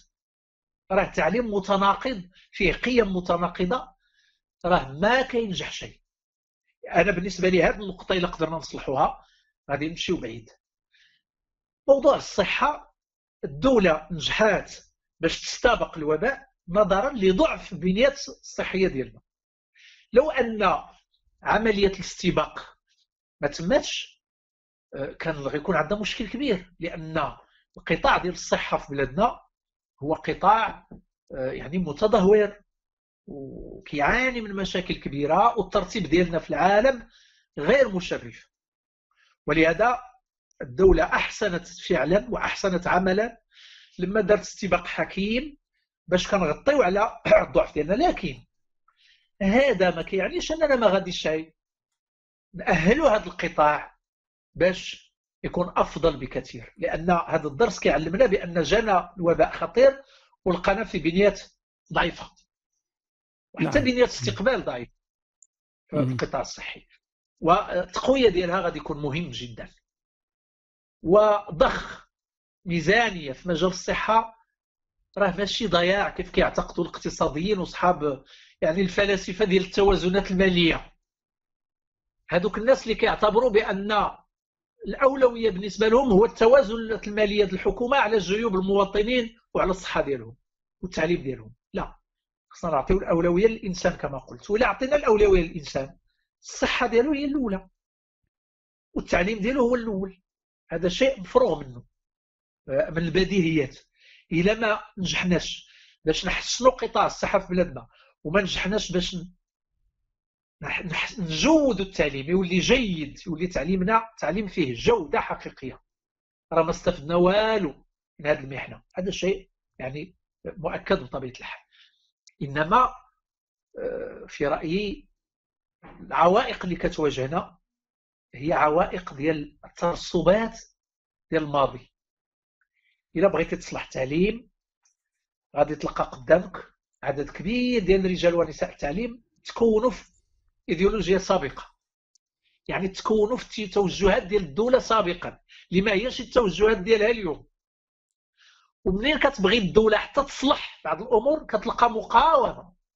لا من المجتمع ولا من رجال ونساء التعليم أنفسهم. وكنذكر هنايا غير بالمثال اللي آه، يعني الملك محمد السادس عمل خطاب رسمي وقرار بمراجعة مقررات التربية الدينية في بلادنا والكتب المدرسية الدينية لأن فيها تطرف وغلو. كيعطي الإرهاب. وشكل لجنة ملكية وقامت بمراجعات ولكن اللي كيبان في الممارسة ديال التعليم هو المقاومة ديال هذيك المراجعات. لأن واحد العدد ديال رجال التعليم ونساء التعليم هما منظمين في تنظيمات آه، ديال التطرف. وكيعتبروا أن المهمه ديالو داخل المدرسة هو تسويق هذيك البضاعة ديال التنظيم ديالو. ماشي أنه يكون لنا المواطن الصالح. هنا توقع تصادم مع الدولة. كتولي الدولة باغا الخير ولكن الناس تكونوا على إيديولوجيا أخرى. ما بغاوش هذاك الخير كيعتبروه الشر بالنسبة لهم. كيعتبروا أن داك الشيء خصو يستمر. وهو من أسباب الانحطاط الكبيرة. اذا عندنا هذه العوائق. آه، للأسف والعقلية ديال الفساد خصها تحارب إلى إلى صلاحتي قطاع الصحة. آه، خاص الرشوة ما تبقاش لأن ماشي فقط توفر الإمكانيات ديال القطاع راه غتمشي الصحة مزيان. خاص أيضا آه، تطهير ديال السلوكات من الترسبات السلبية اللي كانت عندنا في الماضي. نعم. آه غنفتحوا المجال الاسئله الآن. كاين آه ديجا بزاف ديال الأسئلة. فغنحاولوا آه ما, ما تنظرش أننا ناخذ كل الأسئلة ولكن نحاول نطرح أكبر عدد ممكن. آه سؤال أستاذ عصيد. كان الأول هو على شنو تتوقع آه بعد الاحتجاجات ديال الشعب وديال كاع الناس اللي تكلموا على الموضوع باقي جديد ديال آه، هذا المشروع ديال القانون 22 20 آه، شنو تتوقع غادي يكون الرد ديال الحكومة؟ يعني شنو غادي يوقع؟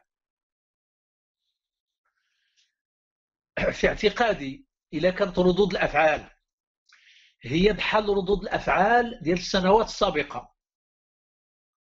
واللي أنا كناشط حقوقي كنت من بين الناس اللي داخلين في هذيك ردود الأفعال ديال الاحتجاج أمام البرلمان وتنظيم وقفات وإصدار بيانات واستنكار وتسجيل حوارات وفيديوهات لاستنكار هذه المشاريع. اذا كان غير داك الشيء راه القانون غيدوز كيف دازوا القوانين كلها اللي احتجينا عليهم هذه 10 سنين. راه من 2011 وحنا كنحتجوا على مشاريع قوانين غير ديمقراطية وغير مطابقة للدستور. ومن آخرها القانون التنظيمي ديال آه، تفعيل الطابع الرسمي للغة الأمازيغية. راه من 2016 وحنا كنحتجوا عليه وعطينا البديل وخرجناه من المطبعه طبعنا كتاب. عاودنا فيه القانون كله مشروع القانون عاودناه من المادة واحد حتى المادة 35 وقدمناه للبرلمانيين وجلسنا مع رؤساء الأحزاب وجلسنا مع الفرق البرلمانية ودرنا حملات وجمعنا الناس في قاعات وفي كل هذيك العمل التحسيسي الترافعي درناه. بأرفع ما يكون. في الأخر دوزوا القانون بدون التعديلات اللي طلبنا. القوانين ديال النساء. كانت ظالمة. قانون المناصفة قانون العنف قانون تشغيل القاصرات قانون الصحافة. آه، القانون الجنائي كان السي الرميد كان قانون كان وزير العدل وكان حاول باش يدوز علينا واحد المشروع ذاك الوقت اللي كيشرع حتى القتل آه، ما يسمى بجرائم الشرف. كيشرع عنها كيتسامح معها باش الرجال يبداو يقتلوا النساء ديالهم في المغرب. كنا غير كنتفرجوا على المشارقة غنصدقوا حتى بلادنا فيها هذا التخلف. وكان بن كيران والراميد باغيين يدوزوا لنا هذا الشيء وقاومنا هذه الأمور. وإلى الآن مازال كنقاوموا باش قانون جنائي يكون ديمقراطي وما يكونش فيه الحجر على الحريات. ف نعم. هذيك القوانين كلها اللي دوزوا وصدقوا عليها لا الحكومة الأولى بن كيران ولا خلال الحكومة الحالية ديال السي العثماني. راه كلها كانت فيها احتجاجات وكان فيها رفض. ودوزوها وصدقوا عليها. علاش؟ لأن الاحتجاجات كانت ضعيفة مقارنة بحجم الخطر والمشكل. كيكون عندنا مشكل كبير وخطير والاحتجاج عليه قليل. علاش؟ لأن الناس ما واعيينش بالخطر اللي كيهددهم كاملين. وغنعطيك واحد المثال بالأرقام. يعني في واحد المرة كان حزب العدالة والتنمية كيوجد قانون ديال أنه في حالة ما إلى المحكمة حكمات لمواطن ضد الدولة وضد مؤسسات ما, يكون ما تكونش هذه المؤسسات ملزمة بالتنفيذ لكي لا يعرقل العمل ديالها. ناضوا جوج ديال النقباء كبار في المغرب محترمون وعندهم مصداقية كبيرة وهما السي عبد الرحمن بن عمر والسي عبد الرحيم الجامعي قالوا هذا المشروع القانون اللي كيتوجد في الحكومة راه فيه استهتار بالقضاء. وفيه تحقير للحكم القضائي لأن القاضي غادي يخرج حكم لصالح المواطن والمؤسسة لا تنفذ لأن ليست ملزمة بالتنفيذ. هذا خطير جدا. فانضمت هيئة القضاة لهذا الاحتجاج. ومشينا قدام البرلمان حنا كحقوقيين. كنحسب الناس. رغم أنه عملنا دعاية لهذا الخطر.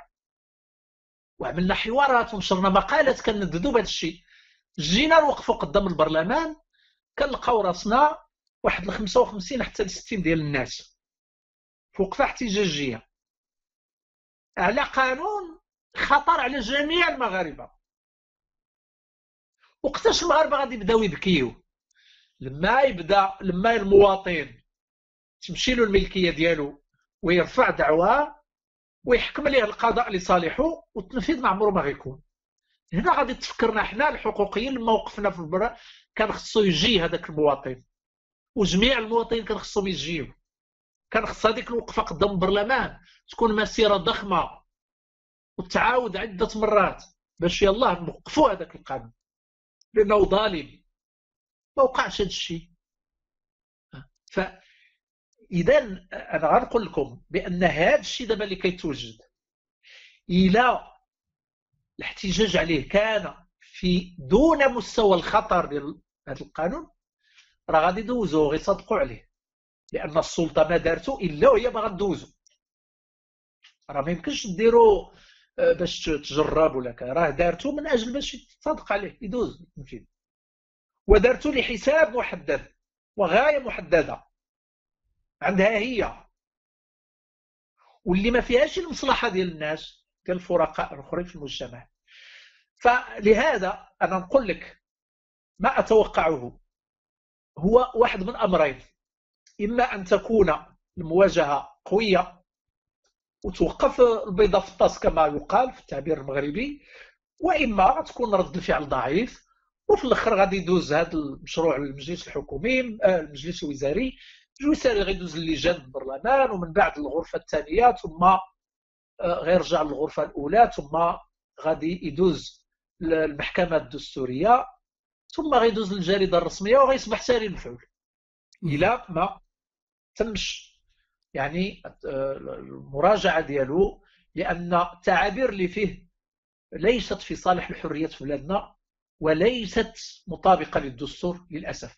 واخا هذوك الناس اللي صاغوه دايرين واحد الصيغة كيحاولوا يتحايلوا علينا فيها. كيقول لك أنه في المرجعية الدولية لحقوق الإنسان كاين أن القانون ديال الحريات اللي كيحمي الحريات ولكن ما خصهاش تكون كتمس بالنظام العام أو بالصالح العام أو ما تكونش كتمس بحقوق الآخرين. هما دابا دخلوا من هاد الجوج ديال الاعتبارات. باش يقولوا لنا أن آه، مقاطعة بضاعة معينة يمس بحق الآخر اللي غيبيع يقول لك أنا هذاك الثمن فيه اعتداء على القدرة الشرائية المواطنين ما قادرينش يشريو ديك البضاعة. ما قادرينش داك الثمن. اش غيديروا غادي يحتجوا. كاين الاحتجاج بالمظاهرات وكاين الاحتجاج بالمراسلات المسؤولين وكاين الاحتجاج بإصدار البيانات وكاين الاحتجاج باللقاءات الصحفيه والندوات الصحفيه وكاين الاحتجاج بالمقاطعة. غادي نجيو غادي نقولوا للمواطن يمكن لك تعمل هادو كاملين ولكن ما تقطعش لأن خص هذا يربح. يعني فلوسنا حنا واخا ما قابلينش ذاك الثمن خصنا نخلصوه بزز منا. بحال عندنا حنا إلى إلى قال لك إلى مشيتي للإدارة وقلت لهم راه عملتو غلط كيقول لك غتخلص وتشكي. كيفاش غنخلص؟ راكم أنتم غالطين. بحال المواطن اللي عنده بوله وحدة في حي الشعبي فقير جدا وكتجي 10000 درهم ديال الضوء 10000 درهم. وكاينوا ضمن المواطنين شي جاتو 8000 درهم شي 10000 درهم. الحي كله انتفض مشاو داروا مظاهرة. كيجيو عند الناس المسؤولين كيقولوا لهم غتخلصوا هذيك ال 10000 درهم وعاد تشكاو. منين غيجيب لك المواطن البسيط الفقير؟ منين غيجيب لك 10000 درهم باش يخلص بوله هو كتجيه 600 ريال ديال الضوء كيخسر 30 درهم حتى ل 50 درهم الضوء وكطلب منه 10000 درهم. يعني وقع خطأ في الإدارة وقع خطأ في الحاسوب وقع خطأ عند الموظفين عوض ما يتداركوا كيقول لك لا غتخلص وتشكي. هادو حتى هما باغيين ما عجبناش شيء ما عجبتناش بضائع.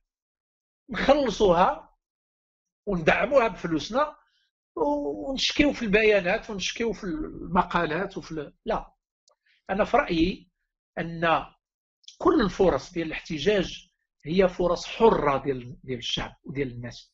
والسلطة خصها تخلي للناس هذه الحريات باش يمارسوها لأنها كيحميو بها مصالحهم وكيحميو بها كرامتهم في مواجهة الاعتداء اذا كان جاي من الإدارة لأن ممكن أن قانون يكون ظالم ممكن أن الإدارة تكون معتدية على المواطنين ولهذا الدول كلها كتراجع قوانينها.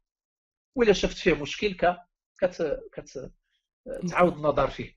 ولهذا راكم شفتوا أن لما كانت قوة الاحتجاج في فرنسا لي جيلي جون كانت قوية اضطر رئيس الجمهورية ماكرون أنه يدير خطاب ويتنازل على عدد من الأشياء. لنفرض أن الانتفاضه كانت ضعيفة. ما ما غيخطب كاع رئيس الدولة لأن ما ماشي مشكل بالنسبة ليه. ويقدر يدوز القوانين. ولهذا الحزم والتعبئه والإرادة ديال ديال النضال وديال الاستمرار بالنفس الطويل كذلك. والثبوت على المبدأ كلها أمور أساسية في مثل هذه اللحظات ولكن خص الجمهور يوعى بهذه الأخطار لأن الحقوقيين هما الأولين كي يعملوا يعني علامة الإنذار كيدقوا ناقوس الخطر وكذلك الأكاديميون والشخصيات الوطنية المتخصصة في مجالات العلوم السياسية والقانون ولكن خاص تكون استجابة جماهيرية. نعم. باش باش نقدروا نوقفوا واحد القانون اللي هو ظالم أو مخالف للمرجعية ديال الدولة والالتزامات ديالها. جميل. آه، هو كاين أسئلة كثيرة ما تنظنش أننا نقدروا نطرحوها كاملة لأن الوقت ديجا تيحاصرنا آه، بعض الشيء. فواحد السؤال آه، تيسول على كانت مطالبة أو ربما خرجت للواقع واحد متابعه يعني مطالبة بمتابعة قضائية ضدك من طرف بعض المحسوبين على التيارات الإسلامية ربما على تصريحات الأخرى على رمضان ولا على شي حاجة قلتيها عندها علاقة بالدين. فواش هذا الشيء صحيح؟ واذا كان صحيح شنو هي آخر الأخبار؟ يعني شنو هو شنو هي الميزاجور ديال هذا الشيء لا اولا اللي كيعتبر راسو متضرر من حقه أنه يعمل شكاية بأي شخص أضر به. ولهذا المعيار ديال الشكاية هو الضرر وإثبات أن هناك ضرر. أنا ما كنعتقدش أنني ضريت ايا كان الكلام اللي قلته منشور في صحف مغربية مترجم عن الصحافة الفرنسية والإيطالية. ومنه ما تم توقيعه من طرف شخص في جمعية طبية. علاش؟ لأن في ذلك الوقت كان هذا متداول. بحال قضية الكمامات اللي عاودت لكم. آه، رئيس الحكومة كيقول الكمامات ماشي ضروري لأن قالوا لها له الاختصاص. ماشي كيكذب على المغاربة. ولهذا الناس اللي جاوا من بعد باش يحاسبوا رئيس الحكومة كانوا غالطين. لأن رئيس الحكومة لم يقل إلا ما قاله له الخبراء. في ذاك الوقت كان يعتقد بأن الكمامات ماشي ضروري. لما تغير الأمر عند الأطباء اصبح موضوع آخر. كذلك نفس الشيء شخصيا. ما قلته نشر واعتقد وكنا كنمارسوه ماشي؟ فقط أننا قلناه كنا نمارسه في في البيوت ديالنا. وكنا نعتقد أنه صحيح. لكن لما منظمة الصحة العالمية قالت أنه ليس ضروريا. فبين بأنه ماشي؟ بحال الكمامات. علاش؟ لأن إلا قلتي للناس الكمامات ماشي ضروري. فيه خطر على الصحة إلا ما داروش الكمامة أما إلا قلتي لهم استعمال السوائل الساخنة ما فيش ضرر. يعني لا لا يحارب الوباء كما تبين فيما بعد. وعملت أنا مقال نشرته في الصفحة ديالي في الفيسبوك كنشير لهذا الأمر وكنقول أن الرأي الأخير ما هو إلا لأهل الاختصاص من الأطباء وأن قرار واش رمضان يشكل خطرا أم لا هو قرار الدولة. ماشي الدولة كتقرر واش الناس غيصوموا ولا لا. الدولة ماشي من حقها تدخل في شعيرة دينية يمارسها الأشخاص. اللي غيصوم كيصوم باعتقاده اللي ما كيصومش ما كيصومش باعتقاده. الدولة مهمتها اللي تكلمت عليها أنا هي في موضوع صحة المواطنين لأن الدولة هي المسؤولة على صحة الناس. ولهذا هي اللي هي اللي دارت القرار واش رمضان يشكل خطر أم لا. وقلت أنا مع ما قاله أهل الاختصاص في النهاية. علاش لأنني عرفت بأن هذه الأمور كتغير بسرعة. اليوم غتقول كلام وغدا غيقول لك لا راه ماشي دقيق. ها الكلام الصحيح اللي كاين. فإذا الموضوع هكذا كان. أنا ما دعيتش الناس قلت لهم ما خصكمش تصوموا لأن ما كنديرش الفتوى وما كنتحكمش في الناس. والناس ما غاديش يتبعوني في موضوع ديني ما هواش في اختصاصي. أنا تكلمت عن الصحة وليس عن شعيره دينيه وهذا الشيء اللي خص الناس يفهموه اللي تكلمت عليهم قبيلة في البداية الحوار ديالنا. لما قلت أنهم لما كيتكلموا على الاختصاص كيرتكبوا خطأ لأنهم ما كيفهموش الفرق بين الاختصاص الأكاديمي وبين الاختصاص ديال الإنسان اللي كيدخل في إطار عمله كفاعل مدني. ما يشكل خطرا على صحة الناس. الفاعلون المدنيون كيتكلموا فيه. ما هما لا أطباء ولا أي شيء. النشطاء الحقوقيون داروا بيانات فيما يتعلق بالجانب الصحة. لأن الصحة حق من حقوق الإنسان وحق على الدولة أن ترعى صحة المواطنين. وهذه الروح باش تكلمت. يعني تكلمت في الجانب الصحي في رمضان. وتكلمت بما قيل ونشير. وتبين فيما بعد أنه غير دقيق. ولهذا قمت بالتصحيح. فبالنسبة لي ما كانش هناك أي ضرر من كلامي وكنخلي الحق لكل واحد دائما أن أن ينتقدني وأن يبدي رأيه أو يضع شكاية. لا يعني أحرم أي واحد أبدا من حقه في ذلك. ولكن خص يكون عنده حق. أي أنني نكون معتدي عليه لأن دائما هذا التهديد تبعنا. كل ما عبرتي على رأيك يقول لك شي واحد سأرفع بك دعوة يا أخي تفضل. وارفع دعوة. إذا اعتبرت نفسك متضررا وإذا كنت تستطيع أنك تثبت بأنني أضررت بمصلحتك. فتفضل. ولكن عمليا لا ترفع شكايات إلا عندما يثبت الضرر لما كتكون ساكن مع جار ديالك وكيرمي عليك الأزبال هذا ضرر كبير. كتعمل شكاية لأن هناك ضرر. إذا كانت هناك موسيقى مرتفعة جدا تثبتها هناك ضرر. إذا كان هناك تدخين آه، آه، آه، ولكن باش يكون هناك رأي تم التعبير عنه. وهذا الرأي ليس ملزما للناس. ووضحه صاحبه مباشرة فيما بعد. فلا أعتقد أن هذا موضوع ممكن يكون فيه شكاية ولكن يبقى كل واحد حر. OK هذا غيقودنا لسؤال اخر اللي عنده علاقة تقريبا. آه هو تيقول واش ما تشوفش أستاذ أنه يجب اتخاذ تدابير آه في حق من يستغل الشهادة الأكاديمية لخدمة إيديولوجية ما؟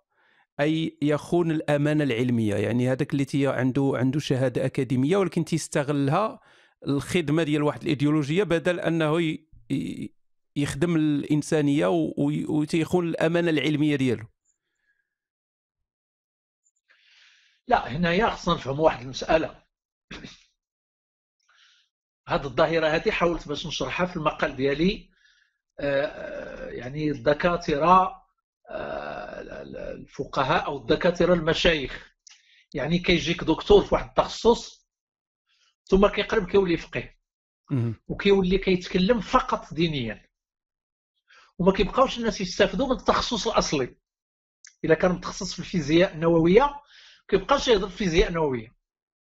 كيولي كيهضر في الدين لأن كيولي عنده جمهور كبير اللي ما كيفهم والو في الفيزياء النووية. ولكن كيفهموا لما كتهضر لهم في الاخره وتهضر لهم في عذاب القبر كيفهموا. كيتبعوك هنا شنو المشكل اللي واقع؟ هو أن الشخص اللي كيتقلب إلى داعيه ديني كيلقى واحد التشجيع مادي ومعنوي. كيلقى واحد السوق رائجة رائج فيها الفلوس كيولي رابح فيها. ماشي بحال في التخصص الأكاديمي ما كيربح والو من غير الصالير ديالو. وكاع هاد الدكاترة اللي ولاو دعاة ربحوا أموال. واستافدوا مع التنظيمات لأن كتحتضنهم تنظيمات عندها تمويل جيد وكتجيب لهم ناس كتاب هذا من جهة. من جهة أخرى آه، لما كيتكلم شخص عنده شهادة جامعية كيتكلم في المجال الديني وكيقول أشياء ربما لا يصدقها عقل راه ما كيتكلمش بالشهادة ديالو. ما كيتكلمش من تخصصه. كيتكلم كداعية. يعني ولا انتقل من وضع إلى وضع آخر. ما غنتحاسبوش معاه على الشهادة ديالو. لأن علاش؟ ما دارش الإحالة المرجعية على العلم ديالو. كيتكلم أنا نعطيكم مثال باش نكون واضحين في هذا الشيء. دابا واحد الدكتور مثلا في علم التغذية مثلا. كيتكلم في مسجد. بعد اش جاب الدكتور ديال التغذية للمسجد اولا. منين دخل المسجد ما بقاش دكتور التغذية. راه ولا يعني آه، شيخ من داعيه من الدعاة الدينيين وكيقول العقل ديال الكافر راه الحد ديالو أسبوع. علاش؟ لأنه الكفار اللي في أوروبا وفي الغرب المجهود ديال العقل ديالهم أنهم كيفكروا في السهرة ديال نهار السبت. باش يشربوا الشراب ويأكلوا الخنزير ويرقصوا على الموسيقى مع شي فتاه هذا الكلام ديالو حرفيا. أما عقل المؤمن المسلم فهو يرى بعيدا جدا بحيث أنه يصل إلى الآخرة. ولهذا فعقل المسلم أعظم وأكبر كيشوف أكثر من العقل الكافر اللي هو ضيق جدا. دابا أنا بغيت هذا الكلام هذا فين الموقع ديالو في علم التغذية. هذا باش نثبت لكم بأن الشخص اللي كيتكلم راه ما كيبقاش يتكلم في اختصاصه ولا يحيل على اختصاصه لأن هذا الكلام اللي قال كلام خرافي شعوذي. خاص الإنسان غادي يعرق إلى إلى إلى سمعه. إنما ما, ما, ما يقولوش إنسان زعما اللي كيحترم المخاطبين ديالو كيعتبرهم بحال الدري الصغار. ولكن ما يمكنش له يحيل هذا الكلام على تخصص أكاديمي. ليس لأن كلام لا علاقة له بأي تخصص. لأن اللي ما كيعرفش هذا الشخص بعدا اللي كيتكلم هكذا. بهذه الصبيانية هو أن الميكروفون اللي كيتكلم فيه والمكانة اللي لابس والكرافات اللي عامل والنظارات اللي دارهم كلهم من اختراع ذلك العقل اللي قال لك الحد ديالو نهار السبت. قصير كيشوف ضعيف. عقل الكافر عقل الكافر هو اللي اخترع الحاسوب واخترع له الطيارة باش يتنقل إلى عيطوا عليه كداعية لجهه أخرى باش يربح فلوس. بدون عقل الكافر غيبقى مشلول وغيرجع للغار. غيرجع بحال أهل الكهف. عقل المؤمن اللي كيتكلم عليه أنه كيمشي حتى الاخره شنو النتيجة ديال التفكير في الاخره أنه ما كيدير والو في الدنيا. كيبقى جالس كيتسنى الموت. ها هو دابا العقل المؤمن جالس كيتسنى كورونا في انتظار أن المختبر يختار له اللقاح.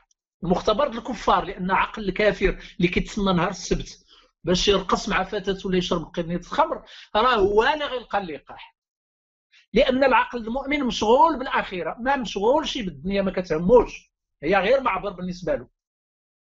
أنا هنا أعطيتكم مثال حي واضح. هذا النوع ديال الكلام لا ينتج شيئا.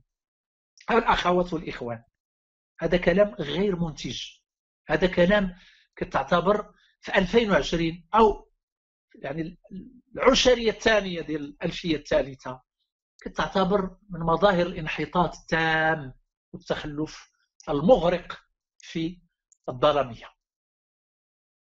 ولهذا أنا كنشوف أن المسؤولية هنا مسؤولية ديال الدولة. علاش؟ ماشي غتحاسب الشخص. أنا لا أدعو إلى متابعة أحد. وعمري في حياتي راه كيجيو عندي الناس. محامون. كيقولوا لي شوف هذا الشخص المتطرف راه الا رفعتي به دعوة راك غتلوحو في الحبس لأن هذا الشيء اللي قال قالوا بالاسم وغير صحيح وغادي تشدو في نقول لهم لا أنا ما يمكنش لي نلوح حتى حد في الحبس. أنا هذا الشخص غادي نناقش معاه بالعقل وغنتوجه بكلامي إلى المغاربة. ما نبغي ليه لا الحبس لك لا. مسؤولية الدولة هي في التعليم. أنها تنقي التعليم من الخرافات ولكن أيضا تزيد في ميزانية البحث العلمي. باش المعارف العلمية تنتشر في المجتمع وهكذا غادي نسدوا الطريق على المشعوذين ماشي بالمحاكمة ديالهم أو الشتم ديالهم أو السب ديالهم كيف كيعملوا لينا. ماشي إلا كيسبونا ويقذفوا فينا نوليو حتى حنا عادمي الأخلاق ونبداو نسبوا ونشتموا لا خصنا نعطيو درس في الأخلاق ديال الحوار. وخصنا نعطيو درس في الأخلاق ديال ما نستعملوش الإشاعة الكاذبة. لأن بعض هاد الناس هادو كيعملوا إشاعات كاذبة. لا أساس لها من الصحة. ولما كتفضحهم ما كيقبلوش ذلك. بينما خصهم يعترفوا بأنهم أخطأوا لأنهم روجوا اكاذيب إذا أرى بأن الحل في هذا الأمر هو التعليم وتشجيع البحث العلمي اللي هو باقي عندنا في 0.1% الدولة قاعد شمال أفريقيا والشرق الأوسط اللي طفرتها كتوصل 0.8% إسرائيل بوحدها 4.7% ميزانية البحث العلمي وهذا ماشي دعاية لدولة محتلة لأراضي فلسطينية. لا. كنعطيو درس بالعدو ديالهم. الا هما كيعتبروا إسرائيل عدو ديالهم. خصهم يعرفوا أن العدو ديالهم باش أحسن منهم. العدو ديالهم إسرائيل أحسن منهم بالعلم. ما مشاش للتوراة كيقلب على إعجاز توراتي علمي. لا مشى للمختبرات وكيبني النظريات. حتى أصبحت هذه إسرائيل متفوقة في ثلاثة ديال التخصصات علمية في العالم. متفوقة فيهم هي الأولى رائدة وخاصة ما يتعلق بالفلاحة والزراعة. وهذه الدولة هذه اللي كتكلم عليها كعدو ديال العرب والمسلمين وضعت مخطط للحفاظ على المياه باش ما يخصهاش الماء. هاد المئات عام اللي جاية. وشنو عملت دول الجوار؟ شنو برنامجها؟ شنو استراتيجيتها؟ المواطنون لا يعرفون. اذا هذا هو الفرق بين العقل العلمي اللي كيفكر في نهار السبت باش يرتاح لأنه خدام بزاف. وهذا الشيء اللي ما فهمش الداعية. هذاك الداعية اللي كيعمل يعني هذا التهريج. ما فهمش بأن العقل الكافر علاش كيفكر في نهار السبت؟ لأنه السيمانة كله هو كيكدح وكيخدم خصو يرتاح نهاية الأسبوع. هذا الشيء علاش داروا نهاية الأسبوع؟ بينما العقل المؤمن عقل خامل. واحد العادات ديال المغاربة راه كيهربوا من الخدمة باش كيقول لك غيمشيو يصليو. وأنا كتبت مقال سميتو الصلاة والعمل. كنقول فيه ليس من حق الموظف أنه كتخلصوا الدولة على الخدمة وكيسلت للجامعه خارج المكان الخدمة ديالو وكيجلس 35 دقيقة نصف ساعة الفوق باش قال لك يصلي. منين كيصلي الظهر وكيصلي العصر راه سال النهار. وهو وطابور ديال الموظفين واقفين كيتسناو المصلحة ديالهم. كيخليهم واقفين ويمشي هو من أجل غرضه الشخصي اللي هو الصلاة باش يمشي للجنة على حساب مصلحه هذوك الناس. هذا ماشي ضمير وطني ولا ضمير مهني. نهائيا. ولهذا آه، يعني هذا العقل الكافر عقل ما كيهربش من الصلاة باش يمشي للكنيسة. كيخدم ويستحق المنضه ديالو. ولهذا خصو يرتاح في نهاية الأسبوع. وكنعطي هنا أمثلة لأن هذه الأمثلة كتقرب الفهم بالنسبة للناس اللي ربما آه، كطغى عليهم الإشاعة وكيطغى عليهم التشويش باش يفكروا بعقلهم باش يفهموا أن الإشكاليات اللي كنطرحوها هي إشكاليات حيوية ديال عصرنا. بالنسبة للشعوذه والخرافه راه لا يمكن القضاء عليهم بالمحاكمات ولا بالمحاسبات ولا بالحملات. الشيء الوحيد اللي كيقضي على الخرافة والشعوذه هو التعليم الجيد مبني على العلم وعلى الحرية وكذلك رفع ميزانية البحث العلمي وإشاعة المعارف العلمية في المجتمع باش الناس يوليو كيفكروا في تفسير الظواهر يوليو كيفكروا تفكير علمي موضوعي. ربما هذه أحسن رسالة نختموا بها. أستاذ حمد عصيد شكرا جزيل. الشكر على هذا اللقاء الجميل. آه، شكرا لكل المتابعين. آسف أنني ما قدرتش نطرح كل الأسئلة كانوا ربما عشرات أو مئات الأسئلة اللي اللي وصلت. شكرا لكم كاملين وأتمنى أن ألقاكم قريبا في حوار جديد من حوارات هشام. تحياتي. شكرا لك وشكرا للجميع آه، الناس اللي كتحلوا بالصبر وتابعونا هذه المدة. شكرا لك. تحياتي. باي. في حق المدرسة هو شعور الانتماء إلى الأسرة الكونية وهو حر أن يعتقد ما شاء. صورة مسرحية تهاجم على السلطة. أنت لو لحد السلطة ما كنتش هتبقى مثل النهارده اذا مرحبا بكم اعزائي